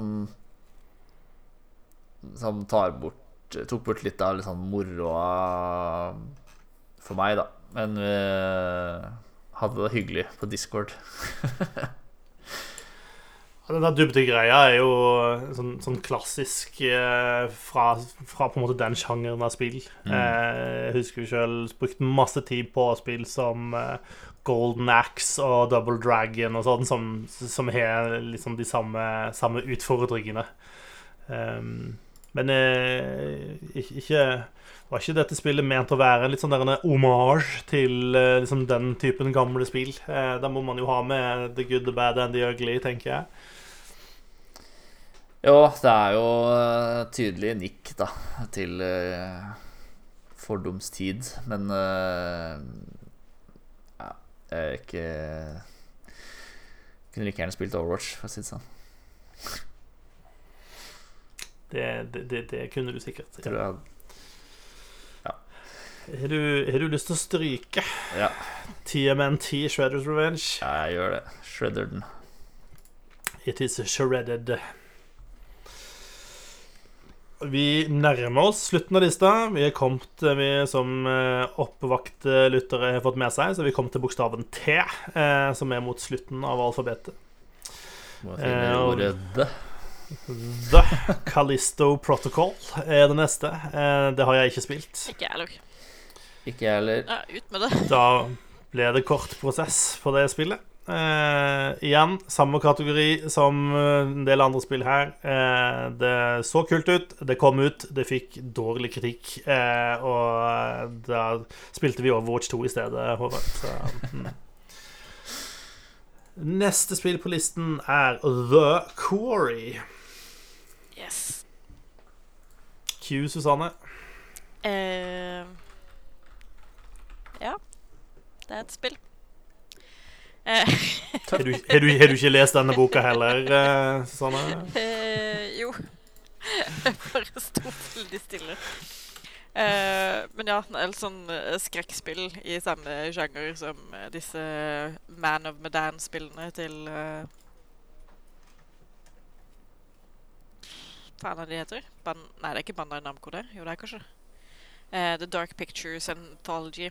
Så du spiller som en gjeng med ungdommer eh, som er ute på tur, og så må du holde dem i live eller eh, drepe dem, litt avhengig av hva, hvilke utfall du vil ha. Eh, men The Quarry Det, det er Supermassive som lager de, og ja, de er utgitt av Bandana. Ja, stemmer det. Supermassive. Eh, ja, og The Quarry er liksom eh, i samme gata. Du får en gjeng med ungdommer. De er på sommerleir. Eh, noe skjer, og så må du holde dem i live eller eh, sørge for at de dør. Litt avhengig av om du liker dem eller ikke. Eh, og i motsetning til eh, The Dark Pictures-spillene, hvor alle karakterene er noen jævla rasshøl, eh, og du ikke liksom heier på noen av dem, eh, så har The Quarry ganske bra rollegalleri med masse hyggelige og fine og kule karakterer som du gjerne vil se at skal overleve. Eh, så du gjør på en måte ditt ytterste for, for at de skal se dagens lys, holdt jeg på å si. Og så har det en ganske kul historie i tillegg. Eh, så jeg syns det var et veldig gøyalt spill i en nostalgisk eh, 80-tallsdrakt. Eh, med, med en kul historie og bra skuespill. Ja. Mm. Men er det nødvendigvis et uh, Game of the Year-spill? Jeg vet ikke. Jeg skrev det på lista fordi jeg kom på at jeg hadde spilt det, og det kom ut i år. Nei, i fjor. Uh. Det viktigste er at vi har fått dokumentert at du spilte enda et dataspill i 2022. eh, så ja, det er det spillet, kort fortalt. Hvis du liker, Nice. eh, hvis du liker skrekkfilmer fra 80-tallet, så kommer du til å like The Quarry. Har du lyst til å stryke det fra listen med en gang? I... Mhm. Nei. Nei. Da, da venter vi litt og stryker det seinere. Det er greit. Uh, neste på listen er Tiny Tinas Wonderland. Jeg har spilt det litt. Uh, Jeg tror kanskje Susanne har spilt det mer. Uh, ja, meg og Odd Karsten har uh, runda det. Ja. Eh, ja Hva skal man si? Eh, Tina's Wonderland er jo en sånn videreføring av eh, Assault and Dragons Keep. eh, som er Tiny Tina og resten av gjengen i Borderlands som spiller Dungeons and Dragons, eller en eh, ekvivalent eh, til det. det Der var om Borderlands var et fantasyspill. Ja. På en måte. eh, så du, Mm. har liksom sverd, og du har buer, og du har rustninger og tjo og liksom fancyaktige eh, fiender, og en eh, eh, en historie som tar masse vendinger etter hvert som eh, Tiny Tina finner det for godt. eh, for at ting skal skje på visse måter. Eh, masse referanser til andre ting, sånn som Smurfene, blant annet. Eh, kjempegøy. Eh, det er liksom Det er mer Borderlands, bare i en litt annen drakt. Eh, og det er gøy å spille det split screen eh, co-op. Og vi fullførte det, i motsetning til Borderlands 3, som vi ikke har fullført ennå. Mener jeg. Så det var, liksom, det var gøy. Det var underholdende. Det var ikke altfor langt. Det tok oss liksom ikke så lang tid å spille det ferdig. Og det var veldig digg, fordi Borderlands-spill kan jo gjerne vare en del timer. Eh, avhengig av hvor mye du skal utforske og lute og skyte og joe og heie. Eh, men Tiny Wonderland hadde en ganske grei lengde. Eh, ja. Har ikke så mye å si om det, egentlig. Det var, det var OK. Ja, jeg, lik, Altså, jeg likte det. Jeg hadde det gøy. Eh, men eh, jeg glemte jo litt at det kom ut i, i fjor, så ja, det er, det er jo veldig Borderlandsy. Så det er litt sånn li, li, Syns du Borderlands er kult, så, så, så liker du sikkert dette. Og er du ikke noe særlig glad i Borderlands, så hjelper det ikke så fryktelig mye at det liksom er et fantasy-skin over, over Borderlands, da. Um, Sjøl er jeg i den siste kategorien som ikke egentlig syns Borderlands er så fryktelig gøy. eh, og ikke syns at humoren i Borderlands alltid treffer så fryktelig godt. Um, jeg, jeg, jeg likte det at eh, det er en litt annen take på Borderlands. Jeg likte at den, det oppleves som en litt mer kompakt versjon, da. Um, og det er en del ting som er morsomt inni der, eh, men eh, ja. Og så spilte jeg aleine, da, som åpenbart påvirker opplevelsen. eh, eh, det fremstår ikke som et spill som er spesielt designa for å spille aleine. Nei. Det gjør det ikke. Så hadde jeg hatt venner, eh, så hadde det kanskje vært eh, kjekkere. Mm. Neste og nest siste på listen vår er Tunic. Ja, det har vel alle spilt, har de ikke det? It, jeg. Ah, okay. ok, nei. Ja, jeg spilte fra det Det kom ut på GamePass, for det ser jo så søtt ut. Kjempesøtt. Eh, grafikken er eh, nydelig. Eh, musikken er fin, mener jeg å huske. Det er åpenbart Selda-inspirert. For du styrer en liten rev med et lite sverd. Eh, reven er i tillegg grønnkledd, bare for å ligne så mye på Link som eh, mulig. Ja, for det Eh, er revelink. Det er, Til og, med det, til og med det skjoldet er jo til forveksling lik eh, noe Link eh, ville gått med. Så Ja. Uh, men skinnet kan bedra. Uh, for combaten her er jo Vil jeg jo argumentere for at det er souls-like. Um, er ganske brutalt. eh, mye basert på å rulle unna og eh, Du tåler ikke mye bank, da, for å si det sånn. Um, og eh, for meg så Jeg kom til et punkt hvor det ble for vanskelig, eh, og jeg slutta. Og jeg syns ikke det var gøy lenger. Same. Eh, det er jo ikke noe dialog. eh, det er ikke noe guiding. Du plukker opp eh, noen ark, noen som er liksom sider fra en brukermanual som eh, forklarer deg hvordan spillet fungerer. Som jeg syns er eh, Jeg vet at mange elsker det av sånn nostalgigrunner, fordi det var sånn spill var i før, i tida. Eh, det var ikke plass på kassetten til å ha en tutorial. Så sp- sp- spillmekanikkene måtte forklares i den medfølgende manualen. Ehm, Men jeg syns eh, Jeg syns ikke det var en bra gimmick. Eh, og det står på sånn tullespråk, så du skjønner ikke hva som står heller. Du må liksom bare se på tegningene. Eh, og jeg, jeg, jeg syns ikke det var gøy. Eh, greit at det er nostalgisk, men er det, er det noe vi ønsker oss tilbake til? Det er jeg litt usikker på.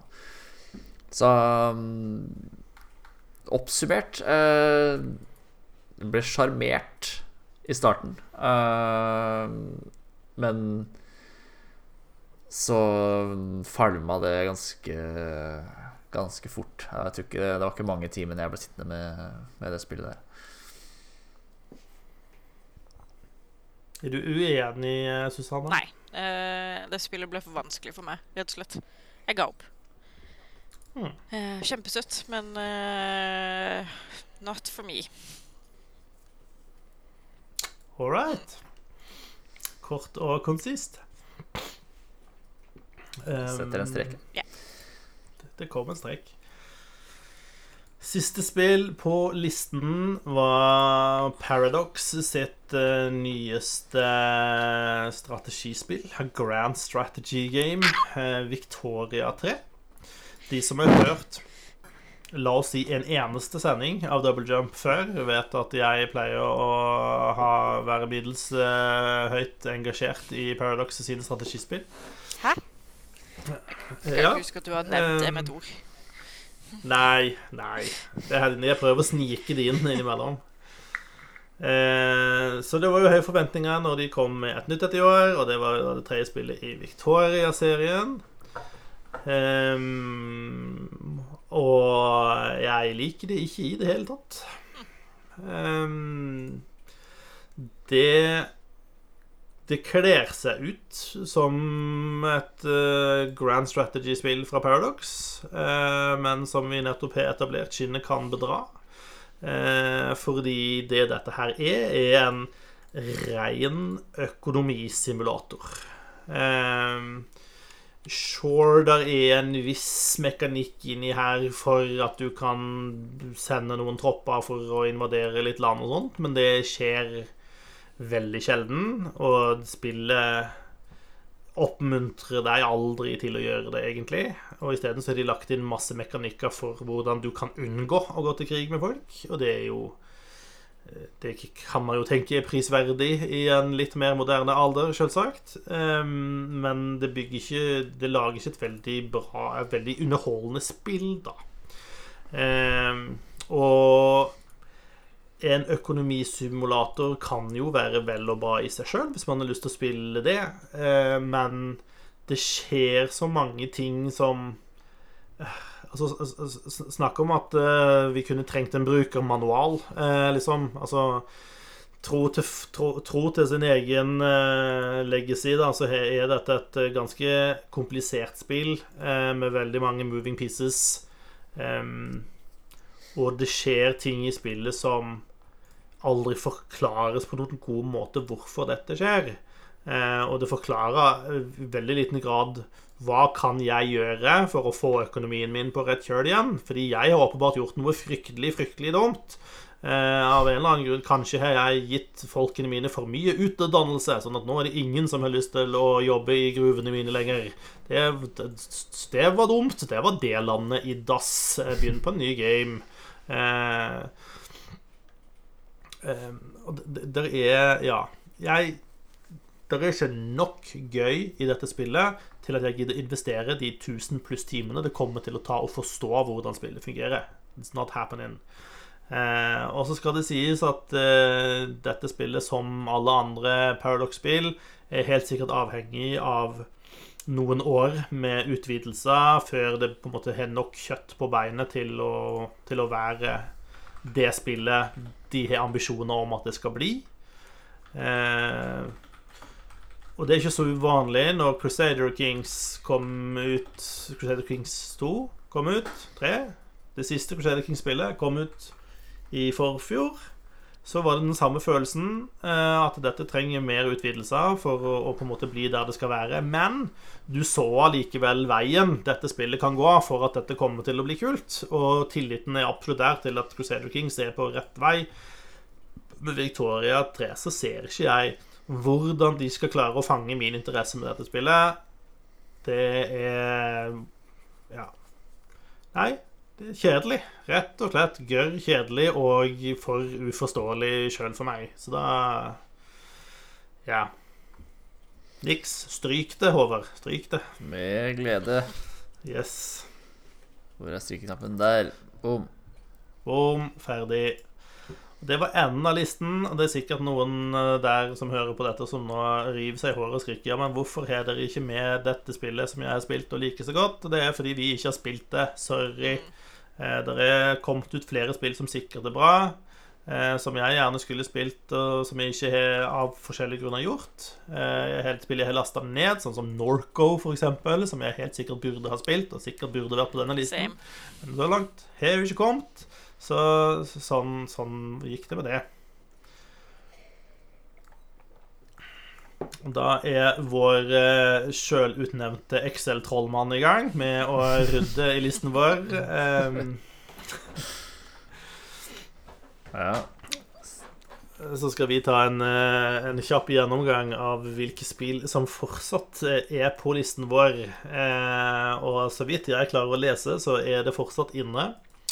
A Plague Tale Requiem, uh, Cult of the Lamb, Dying Light 2 Stay Human, Elden Ring, God of War Ragnarök, Grounded, High on Life, Horizon Forbidden West, Immortality, Marvel's Midnight Suns, Metal Hellsinger, Ooblets, Pentiment, Stray, The Quarry og Tiny Tinas Wonderland. Eh, og eh, de som har hørt en Goti-sending før, vet at eh, prosessen nå handler om å kutte denne listen ned til vi står igjen med ti spill, eh, som vi så må rangere. Så eh, Hvor mange spill er det vi har igjen på lista nå, Håvard? 16, ja hvis Det- Sanne sier det er 16, så tror jeg på det. Du tror på at det er 16. Det betyr at det er 6 må ut, det, da. Sex har kommet for å bli. Du, du tror på det? Ja, det tror jeg faktisk. Mm, Jeg tror ikke det er en trend som kommer til å forsvinne med det første. nei. Bare vent til de konservative kommer i makta igjen, du. Mm. Sånn. Eh, 16 var riktig. Ja. Eh, Eh, The Quarry kan ut. No. da er det ingen som krangler på det, og The Quarry er ute. Um, jeg tenker at jeg kan tilby å stryke Dying Light 2. Ehm, Mhm. det, var, det var underholdende, men ikke mer enn det. Jeg kan godt ta ut Grounded eh, for min del. Gasp. Kan vi det? Kan vi det? Ja, vi... Nei vel. Nei vel. Er det ikke noe annet? Jeg vil, jeg vil, jeg vil mye heller stryke Tiny Tina Ja, enn Grounded. same. Mm. Kan jeg tilby eh, High On Life, kanskje, da? Mm. Jeg ser eh, Ja, det er nok andre spill som heller fortjener å være der. Skal vi se om jeg får til dette. Det var ikke bare litt så Hallo? Hallo. Sånn. Ja Her går det unna. Da er det tre Nei, to til. To til som er ut.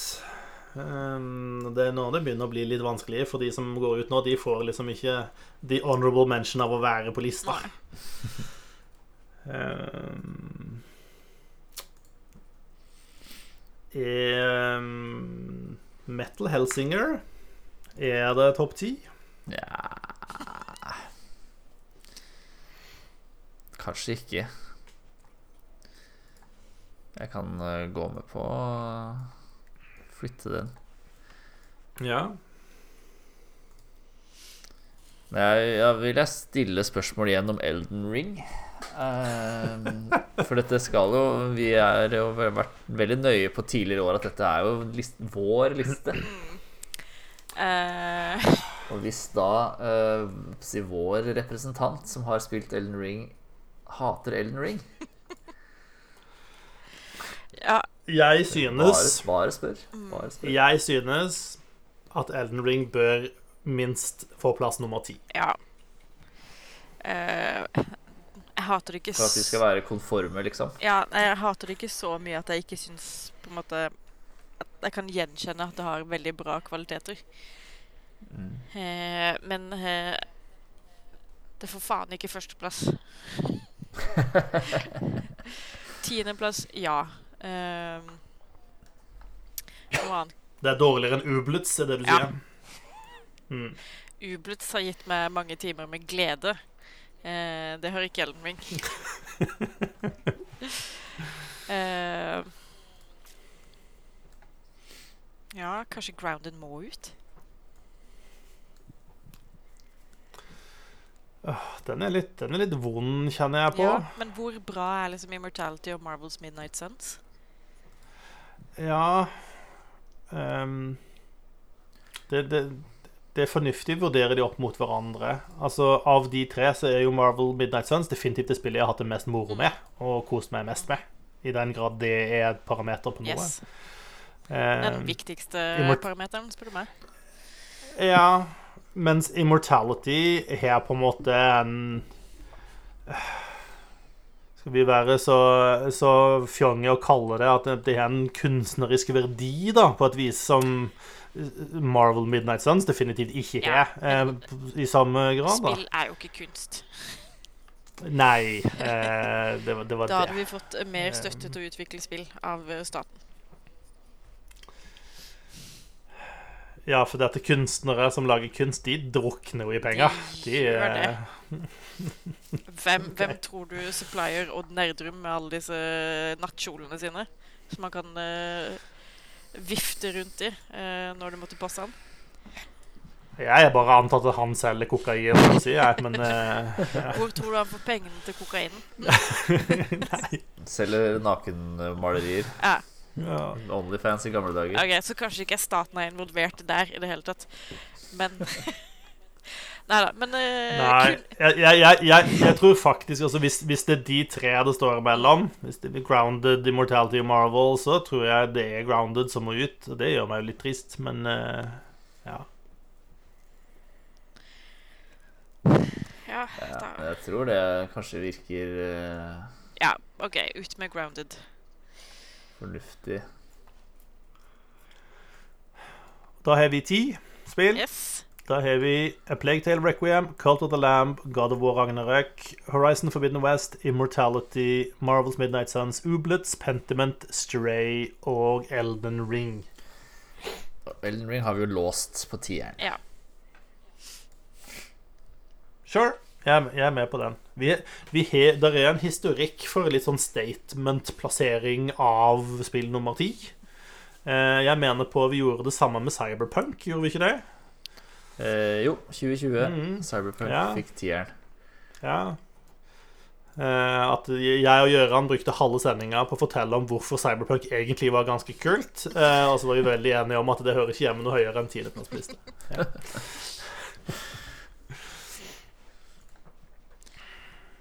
Men den er god. Ja, ok. Og Da må vi er nummer ti. Da må du gjøre litt sånn trollmann-ting, eh, sånn at vi får plassert Elden Ring på, en, en, på, på, på den endelige listen vår. Eh, Håvard. Og så må vi eh, finne ut hvem som er nummer ni, da.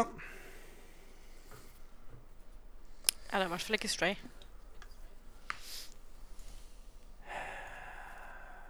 Stray må høyt opp. Høyt, høyt, høyt. Um, hvor, hvor, hvor høyt opp må vi på Cult of the Lamb, da? Eh. Jeg vet ikke, jeg.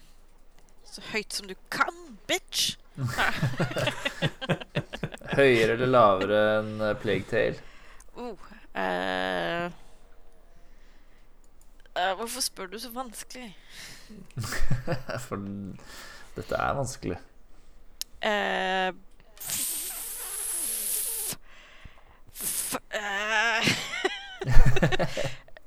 Høyere enn Plague Tale. Plague Tale kan lenger ned. He- Type helt ned til niende ned. Mm. Ja, åtte, kanskje. Åtte. Ja, eh, rett, eh, rett over Ublitz, tenker du da, kanskje? Uh, ja Så da blir det Ublitz på niende og Plague Tale på åttende. OK, ja. Det gir mening. Men, Ja. Mener du det? Du har jo ikke snakka om noe annet enn Ublitz hele fjor. Altså, jeg er bare fornøyd med at Ublitz er med på lista. Eh, jeg har ikke tenkt å rock the boat noe mer enn det. Nei, ok, okay. um, jeg er komfortabel med å sette eh, Marvels Midnight Sands inn på lista rett over Cult of the Lamb. Mhm.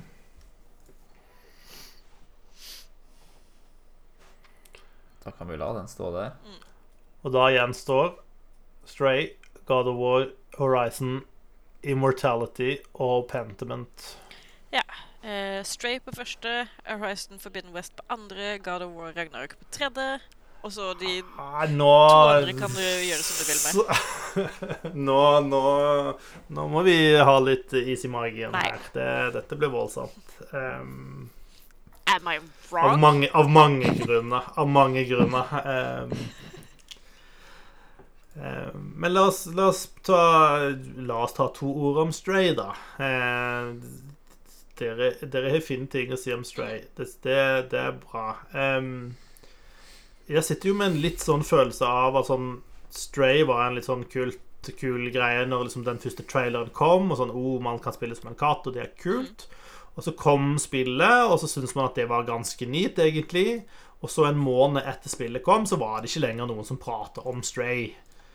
Um, mens spill som God of War og Horizon Forbidden West føler jeg på en måte har satt et mye mer lasting impression på folk, da, og er noe som man fortsatt prater om og fortsatt streamer og fortsatt er opptatt av. Det, er det en, en feil oppfattelse? Vi hadde jo ikke en spoilercast om Stray, for å si det sånn. Nei. Kanskje vi burde? Kanskje vi burde. Men også det er jo mer eh, diskurs om de andre spillene, fordi de også tar så jævla lang tid å bli ferdig med. Ja, Du mener de får trekk eh, for å være store spill med mye underholdning Ja, fuck em. Eh, gi meg noe jeg kan spille ferdig på en helg. Done so. Da kan jeg gi deg Immortality og Pentiment, eh, Susanne, så er du en god helg. eh. Nei, men vet du hva? Jeg, jeg er komfortabel med å sette Immortality inn, eh, inn på Hva blir det? Femte? Femte, ja. ja for jeg, min tanke var nok kanskje Stray eller Immortality femte. Ja, da kan vi putte Stray på fjerde, da. Ja, den Mhm. sure fjerdeplassen. Og Da, da er vi jo også i den situasjonen at vi har to spill som dere to har spilt, og ett spill som jeg har spilt. Ja, Tredjeplass til Pentiment. Nei, men vet du hva? Vet du hva? Det, det, er helt, det er helt greit. Jeg lever fint med det. Vi kan, det, det høres ikke feil ut at Pentiment er på, på tredjeplass i denne, i denne lista og, og i denne sammenligningen. Pentiment er en veldig kul, veldig særegen greie. Som jeg skjønner at ikke eh, har det samme nedslagsfeltet som God of War har, eh, men eh, go play it, fordi det, det er en superkul ting. Og vi trenger å oppfordre at store firmaer som Obsidian faktisk lager sånne weird sideprosjekter som, som dette. Så Ja, det er, all ære til det. det er definitivt høyt i backloggen min. Det er det. Mm. Mm. Ja, samme her. Det, jeg har veldig, veldig lyst til å, å spille det, så jeg må jo bare sette av tida. Eh, men da er det God of War og Horizon eh, som eh, skal få de to øverste plassene. Eh, I min bok er God of War øverst. Eh, boka di er kort og har en 0,5 rating på Goodreads, eh, så det ignorerer vi. Og så setter vi Horizon Forbidden West eh, på førsteplass. Det er min bok som er mye lengre og mye bedre. Eh, den bedre oppfølgeren av de to. Ja, men uh, vil du ikke heller ha en bok som du kan fullføre på en helg? Det kan jeg med de fleste bøker.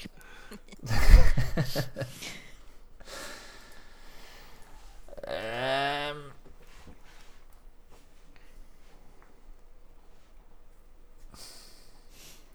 Ja, vi har jo Vi har jo inngått kompromisser tidligere. Mm. Jeg husker, jeg lurer på om det var et av de første årene våre Tror jeg det ble litt sånn eh, fordi ja, flest hadde spilt Metal Gear Solid 5 så ble liksom den over. Eller var det kanskje 2017, da Horizon vant forrige gang også? At det var sånn det var, Alle hadde spilt det, eller flere av oss hadde spilt det, Mm. og kunne si noe om det eh, i større grad enn de andre spillene. Liksom derfor Derfor vant det. Eh, Horizon Forbidden West er jo ikke Er jo på ingen måte dårlig. Jeg tror jeg bare jeg er svakere for uh, For God of War og hele den ja, fortellerteknikken de bruker, og uh, Kratos har jo Jeg har jo nesten likt skjegg. Uh, det trekker jo opp. Åpenbart. Ja, ja. Du må gjøre litt med frisyren din Ja, for, jeg- for å naile looken. Jeg har altfor alt for langt hår. Uh, så jeg liker, altså liker jeg combaten bedre i God of War. Det er uh, Ja. rytmen når du svinger møksa, hvis det er lov å si. Uh, som, er, som er veldig tilfredsstillende. Den, den føles tung, men den, du har litt sånn mye agility, som det heter på nynorsk, likevel. Eh, så du har fått den balansen i den øksa veldig, veldig bra. Og klart å gjøre det der Blades of Chaos mer interessant òg, så jeg brukte de i, mye større grad i Ragnarøk enn i, enn i det forrige. Eh, historien griper meg mer i God of War. Eh, kanskje fordi den er mye mer sånn i trynet ditt hele tida enn det den er i Horizon. Eh, med at du har liksom hele verden for dine føtter i mye større grad i Horizon enn i, enn i God of War. Eh, utforsking er jo Det er jo en del av God of War også, men eh, kanskje litt mer Litt mer i baksetet enn det det blir i Horizon. eh, hvor, det, hvor det i hvert fall Det oppleves som det er større avstander. eh, og dermed lettere å bli distrahert og få lyst til å ta en sidevei og utforske hva man hva som er eh, oppå denne knausen eller eh, rundt eh, rundt denne klippa her og, og sånn. Så det er kanskje litt urettferdig å sammenligne de så direkte sånn. Ja, jeg, ja, jeg liker slåssinga bedre i, i God of War. Men jeg syns Horizon er bedre på å etablere uh, karakterene sine før de eventuelt hiver seg utfor et skip for å ta en drage, liksom. Uh, Ja. eh, jeg føler man eh, Ja, man lærer de bedre å kjenne, mens i God of War så blir man introdusert til veldig mange karakterer og veldig mange faksjoner. Og så bruker man litt tid med de, men så spiller de ikke så veldig mye rolle i resten av spillet. Mm.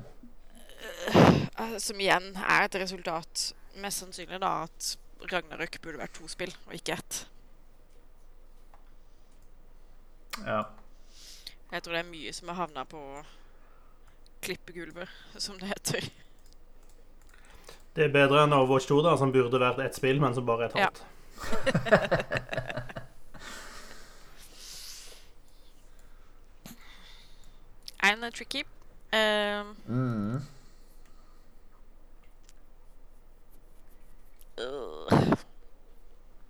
Vi må jo kåre noen.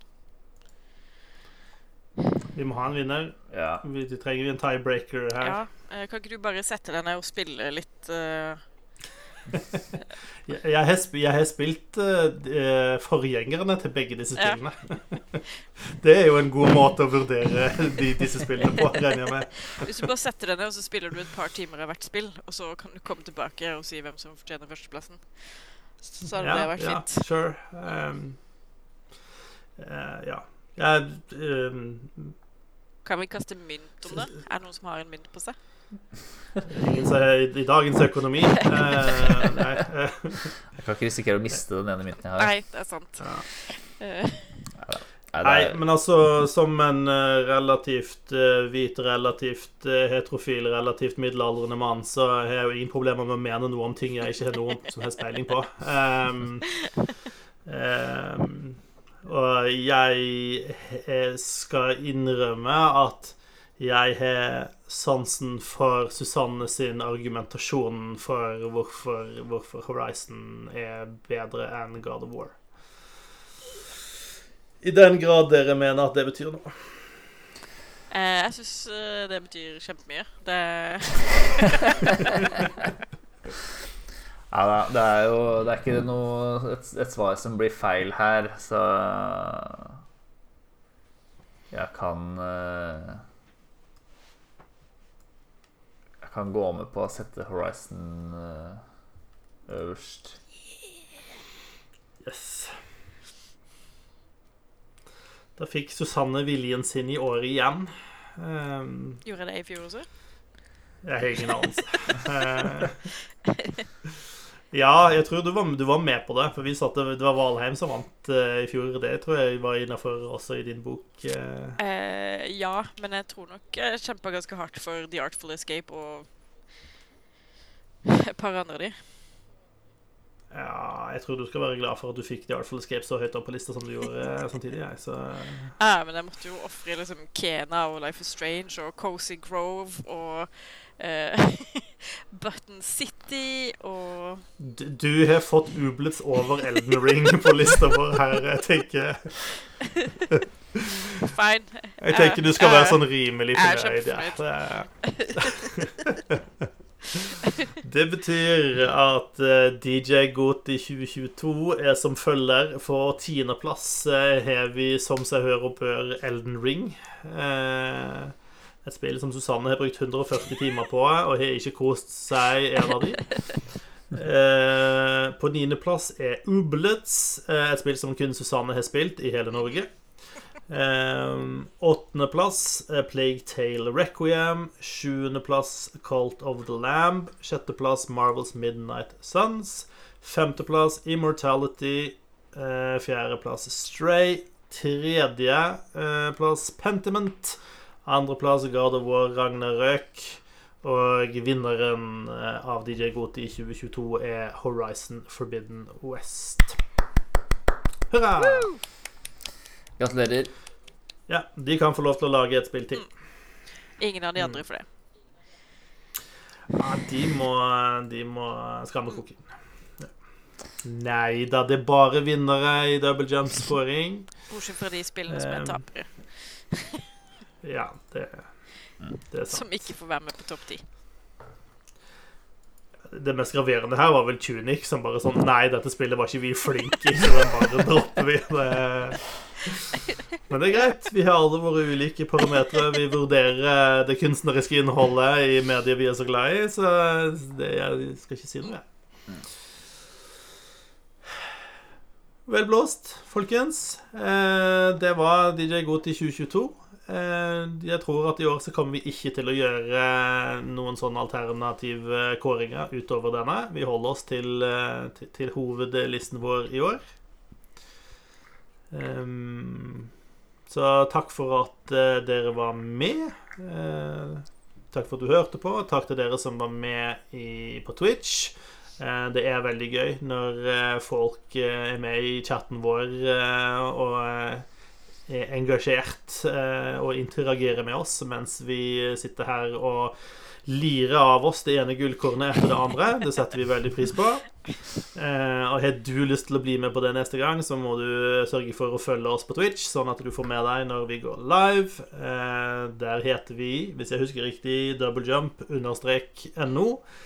Det er riktig. Eh, og vi heter vel kanskje Double Jump nå på Twitter også. Der eh, har vi også eh, for vane eh, å eh, annonsere eh, når vi går på luften. Mm. Dette var det. Vel blåst. Nå kan vi endelig ta og fram Ta fram eh, spaden. Eh, grave ned 2022 eh, og gjøre oss ordentlig ferdig med det og komme oss videre i livet. Endelig begynne å spille noen eh, 2023-spill. I, i, ja, må, må vi det? Faen, jeg er ennå ikke runda Assassin's Creed Valhalla, ass. Um, Jeg er jo bare akkurat i gang med Odyssey, jeg, så oh, det blir, 2023 blir et langt år, det også, høres ut som. Vi kommer vel med en eh, episode om spill vi gleder oss til i 2023 i mai, tenker jeg. ja, det høres Det høres cirka, cirka riktig ut. Ja. Det, det spill vi gleder oss til å spille, ikke nødvendigvis spill som vi gleder oss til skal komme ut. Eh, Ja. hmm. Høres, høres riktig ut. Eh, for that and more, stay tuned. Uh, det var veldig hyggelig å ha deg med oss. Uh, fra meg sjøl, Susanne og Håvard, så sier vi takk for følget og på gjenhør. Ha det bra.